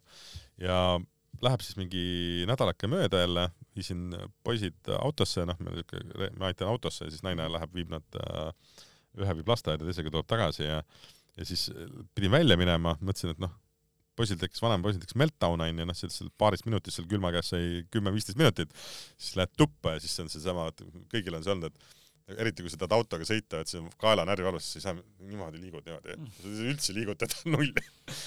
ja mõtlesin, et okei okay,, naine läks ära, määrasin sisse, minut aega läks mööda, siis mõtlesin, päriselt või mm., nagu nalja teete või, ja nagu, nagu tõsiselt nulli tõmbas ja siis, kui sa järjest kuulad vaata igasugustelt tuttavatelt ja klientidelt ja kellel on siin mingi näpu peal olnud ja tegime ühte äh,, tegime ühte edasimüüja juures seda demopäeva ja siis tuli üks äh, tuli üks äh, endine edasimüüja oma naise, ma naist ei teadnud ja siis äh, räägib seal juttu ja siis hakkab vist mingeid asju ostis sealt ja siis hakkab äh, rahakotti võtma ja siis rahakott kukub maha, vaata, ta ei saanud kinni, et nii valus oli lihtsalt ja siis selle äh, edasimüüja tuli kohe, et oot-oot, määrime magneesiumi peale. siis ta hakkas naerma, et ah, mis asja nalja teete ja siis määrib seal peale ja siis tal mingi viis sekundit läks mööda ja siis vaatab mulle otsa. päriselt või mm.? Nagu päriselt või? no ja siis ta nagu, nii mees, rahakott välja, kaks pudelit ka et et aga no ma olen ise ka proovinud siin, et mingite lihaste valude puhul ta ei aita, aga just siukse närvi või siukse asja puhul nagu mm -hmm. maru hästi töötab Ehm, hõikan välja ka selle veel, et äh, tuletan taas meelde selle sõna, millega sa siis saad endale selle antud raamatu, mida ma jälle sulle siin kaadris näitan. et äh, selleks sõnaks oli siis magneesium kakskümmend seitse ja saad selle raamatu siis äh, äh sooduskoodina nii-öelda kasutada. nii, ma olen nüüd siin, ahah, sooduskoodina kasutada siis endale selle raamatu soetamiseks annab hinnast sada protsenti alla ja postikulu jääb, jääb küll sinu kanda ja esimesed sada sada siis, esimesed sada inimest, sada kiiremat saavad endale selle raamatu soetada, sel-, mõn-, mõnes mõttes siis tasuta nii-öelda. Ivar, mis sa veel äh, tahaksid siin rääkida, ma praegu vaatan neid küsimusi, mulle tundub, et hakkame vist otsa korrale. vist on nagu kõik ja. põhimõtteliselt läbi käidud sul. käiks selle manustamise teema nii-öelda korra veel mm -hmm. läbi, sest et see on nii paljud on seda, mingid tüüpküsimused vaata tekivad inimestel mm. -hmm. no esimene tüüpküsimus on see, et kas ma võin kõiki tooteid kokku panna. no absoluutselt ja see ongi selle asja mõte, et noh, mina mõtlesin ka algul vaata niimoodi, et oh, me algul alustasin magneesiumiga. Mõtlesin, et kolm kuud jõin magneesiumi, enam ei tahtnud paljast vetki, sest see maitse, noh, järelikult keha vajas seda. siis hakkas ära tüütama, vaata siis äh, panime Riimaiti, avastasin, oo kuule, siuke lahe asi on, töötab, et paneme kilpnäärme korralikult tööle. aga kui need kogused äh,, avastasin, et läheb nii suureks, vaata siis tekkis seesama asi, et äh, mina ka ei teadnud, et kokku tohib valada, selle ma sain pärast alles teada mm, -hmm. noh ja tänaseks ma algul mõtlesin, et miks nii palju erinevaid tooteid ja siis mida rohkem sa süvitsi nendesse toodetesse lähed, saad aru, iga toode, ta ei asenda mitte ühtegi teist toodet. et iga toode on oma vastu nii-öelda ja äh, spetsiifilise nii-öelda ülesandega. Ja ainuke asi, mida ma kokku ei soovita kindlasti valada, et äh, noh, väga paljud on tsinki selle vasaga nii-öelda ostnud, et äh, tsink alati täiskõhu peale, sest minul on komme see, et äh, noh, kohvi vaata, mul ongi mina jõin kohvi, et mul oli energiapuudus täna ma nüüd teen hommikul endale selle kokteili valmis, ma kütan seal, noh, ma olen juba harjunud, päris ruttu harjusin ära, ma võin isegi liitri korraga ära juua, on seal siis mingi seitsesada milligrammi või kuussada magneesiumi, teisi asju. mul ei tekita mingit kõhulahtisust, rahulikult jõud ära aga mis ta teeb, on see, et kui ma hommikul kohe võtan magneesiumit, paneb korralikult mul nagu noh, põhimõtteliselt nagu kohvi, kohe energia käima, mõte hakkab tööle korralikult, et noh, minu jaoks töötab ülihästi. Et tsink oleks ainuke asi, mida siis kindlasti täis kõhu peale, sest kui seda tühja kõhu peale võtad, siis noh, ma olen suht kindel, et sa lähed öökima. ja minul, minul täpselt samamoodi nii juhtuski. tegin selle lahuse valmis, et okei okay,, hakkame tsinki ka proovima, paned tsingi sisse. Ja nii kui ma võtsin, nii kohe WC-sse, järgmine päev proovisin uuesti, kohe WC-sse, siis kirjutasin, et kuule tsinki sa võtad, mingi imelik reaktsioon, sest toit selge, tellisime uued etiketid, teisele poole tumedalt äh, suurena, ära joo tühja kõhu peale. ja tänaseks meil ongi niimoodi, et kogu see riiul on enam-vähem nii-öelda täis, sest sa hakkad vaatama B-vitamiini kompleks, Real Line ma mõtlesin, et äh, tehas teeb nalja sellega, vaata, et äh, ütleb, et noh, see on nii tugev äh, ras-, noh, nii tugev detofikatsioonitoode, et inimesed noh, USA-s ütlevad, et kolm-neli päeva enne, kui nad napsutama lähevad, noh, mingi üritus, siis nad lõpetavad selle B-vitamiini kompleksi võtmist, see jääb ka pähe. nüüd ma olen Eestis ka kuulnud mitte tuttava käest, ütleski, et no ongi nii, et võtad ja nii võimas, et kui sa hakkad nagu napsu võtma, siis noh, noh, tühi töö, noh, täiesti mõttetu et äh, aga, aga, aga jah, mina ütlen, ma ütlen tänaseks ma olengi näinud, et see on üks kõige paremaid komplekte üldse. just see C-vitamiin, kaalium, magneesium ja et kilpnääre nii-öelda korralikult nii-öelda töötaks. meil on täna ka sellele eripakkumine, minge vaadake, et kui kaua seda on, ma ei tea. Äh, eripakkumine on äh, seitsekümmend eurot selle komplekti pealt nii-öelda võitu. ja see ongi ühe korra piiratud nii-öelda aeg, et meil tuli, meil tegelikult algul ei läinud üldse see asi käima, erikomplekt ja, ja siis, kui see järsku käima läks, me siin peale ühte nii-öelda salvestust ja podcast'i, siis vist läks niimoodi sada seitsekümmend komplekti kahe nädalaga, siis tuli seda erikomplekti pakkumist siin kakssada tükki juurde, see läks vist seitsme päevaga, nüüd tänasest olen jälle nii-öelda juures, nii et ma arvan, et need lähevad ka päris nii-öelda ruttu ära. ja C-vitamiin tegelikult töötatigi välja selle jaoks, et see maitse maha saada, sest et kui see mineraalne maitse hästi tugevaks läheb, siis on nagu päris äh, ränk seda võtta mm. -hmm mida sa hakkad tegelikult tähele panema, siin on ka ajalised nii-öelda näidud, et kui sa hakkad, ja see ei ole isegi sellest, kas sa C-vitamiini või Rimaiti võtad, aga esimese kuu lõpus ongi eh, esimene asi, mis sa märgid, krambid läinud, parem uni, une kvaliteet tõuseb nagu noh, nädala-kahega tohutult. Äh,. siis äh, stressitaluvus, noh, ma arvan, et see on niisugune esimese kahe kuu jooksul tekib niisugune, et vahet ei ole, mis su elu toob, stressi nagu stressitaluvus on nii kõrgeks läinud. Äh, ja esimese kuu lõpus hakkad seda energia, energiat nägema, et see, et see ei ole asi, mis töötab nagu sekundiga, ma olen näinud inimestele, kus ärevuse paanikahood saavad nagu kahe päevaga ära onju, aga on inimesi, kellel on vaja kolm-neli kuud võtta, et nii-öelda saada. siis kuuekümne päevaga paraneb veresuhkur, noh, diabeet kaks on puhtalt ainult magneesiumi puudus, siin tuleb muidugi suhkur väga suure rollis nii-öelda mõjutab ja vererõhk hakkab normaliseeruma, nii et see on see koht, kus siis peaks hakkama nagu natukene ka vaatama selle koha pealt, et et kui sa võtad kõrgvererõhutõbe, noh, mingit tabletti onju, et siis sa pead ka vaatama, arstiga konsulteerima, et noh, kas seda on nii palju enam vaja või nii edasi, noh, isa puhul oli ka näha seda, et tänaseks ta ei võta enam.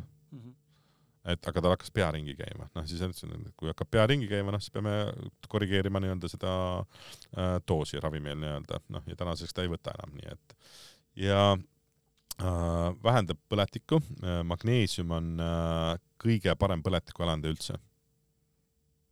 olemata, kas see tuleb suhkrusse põletik või muudest nii-öelda asjadest.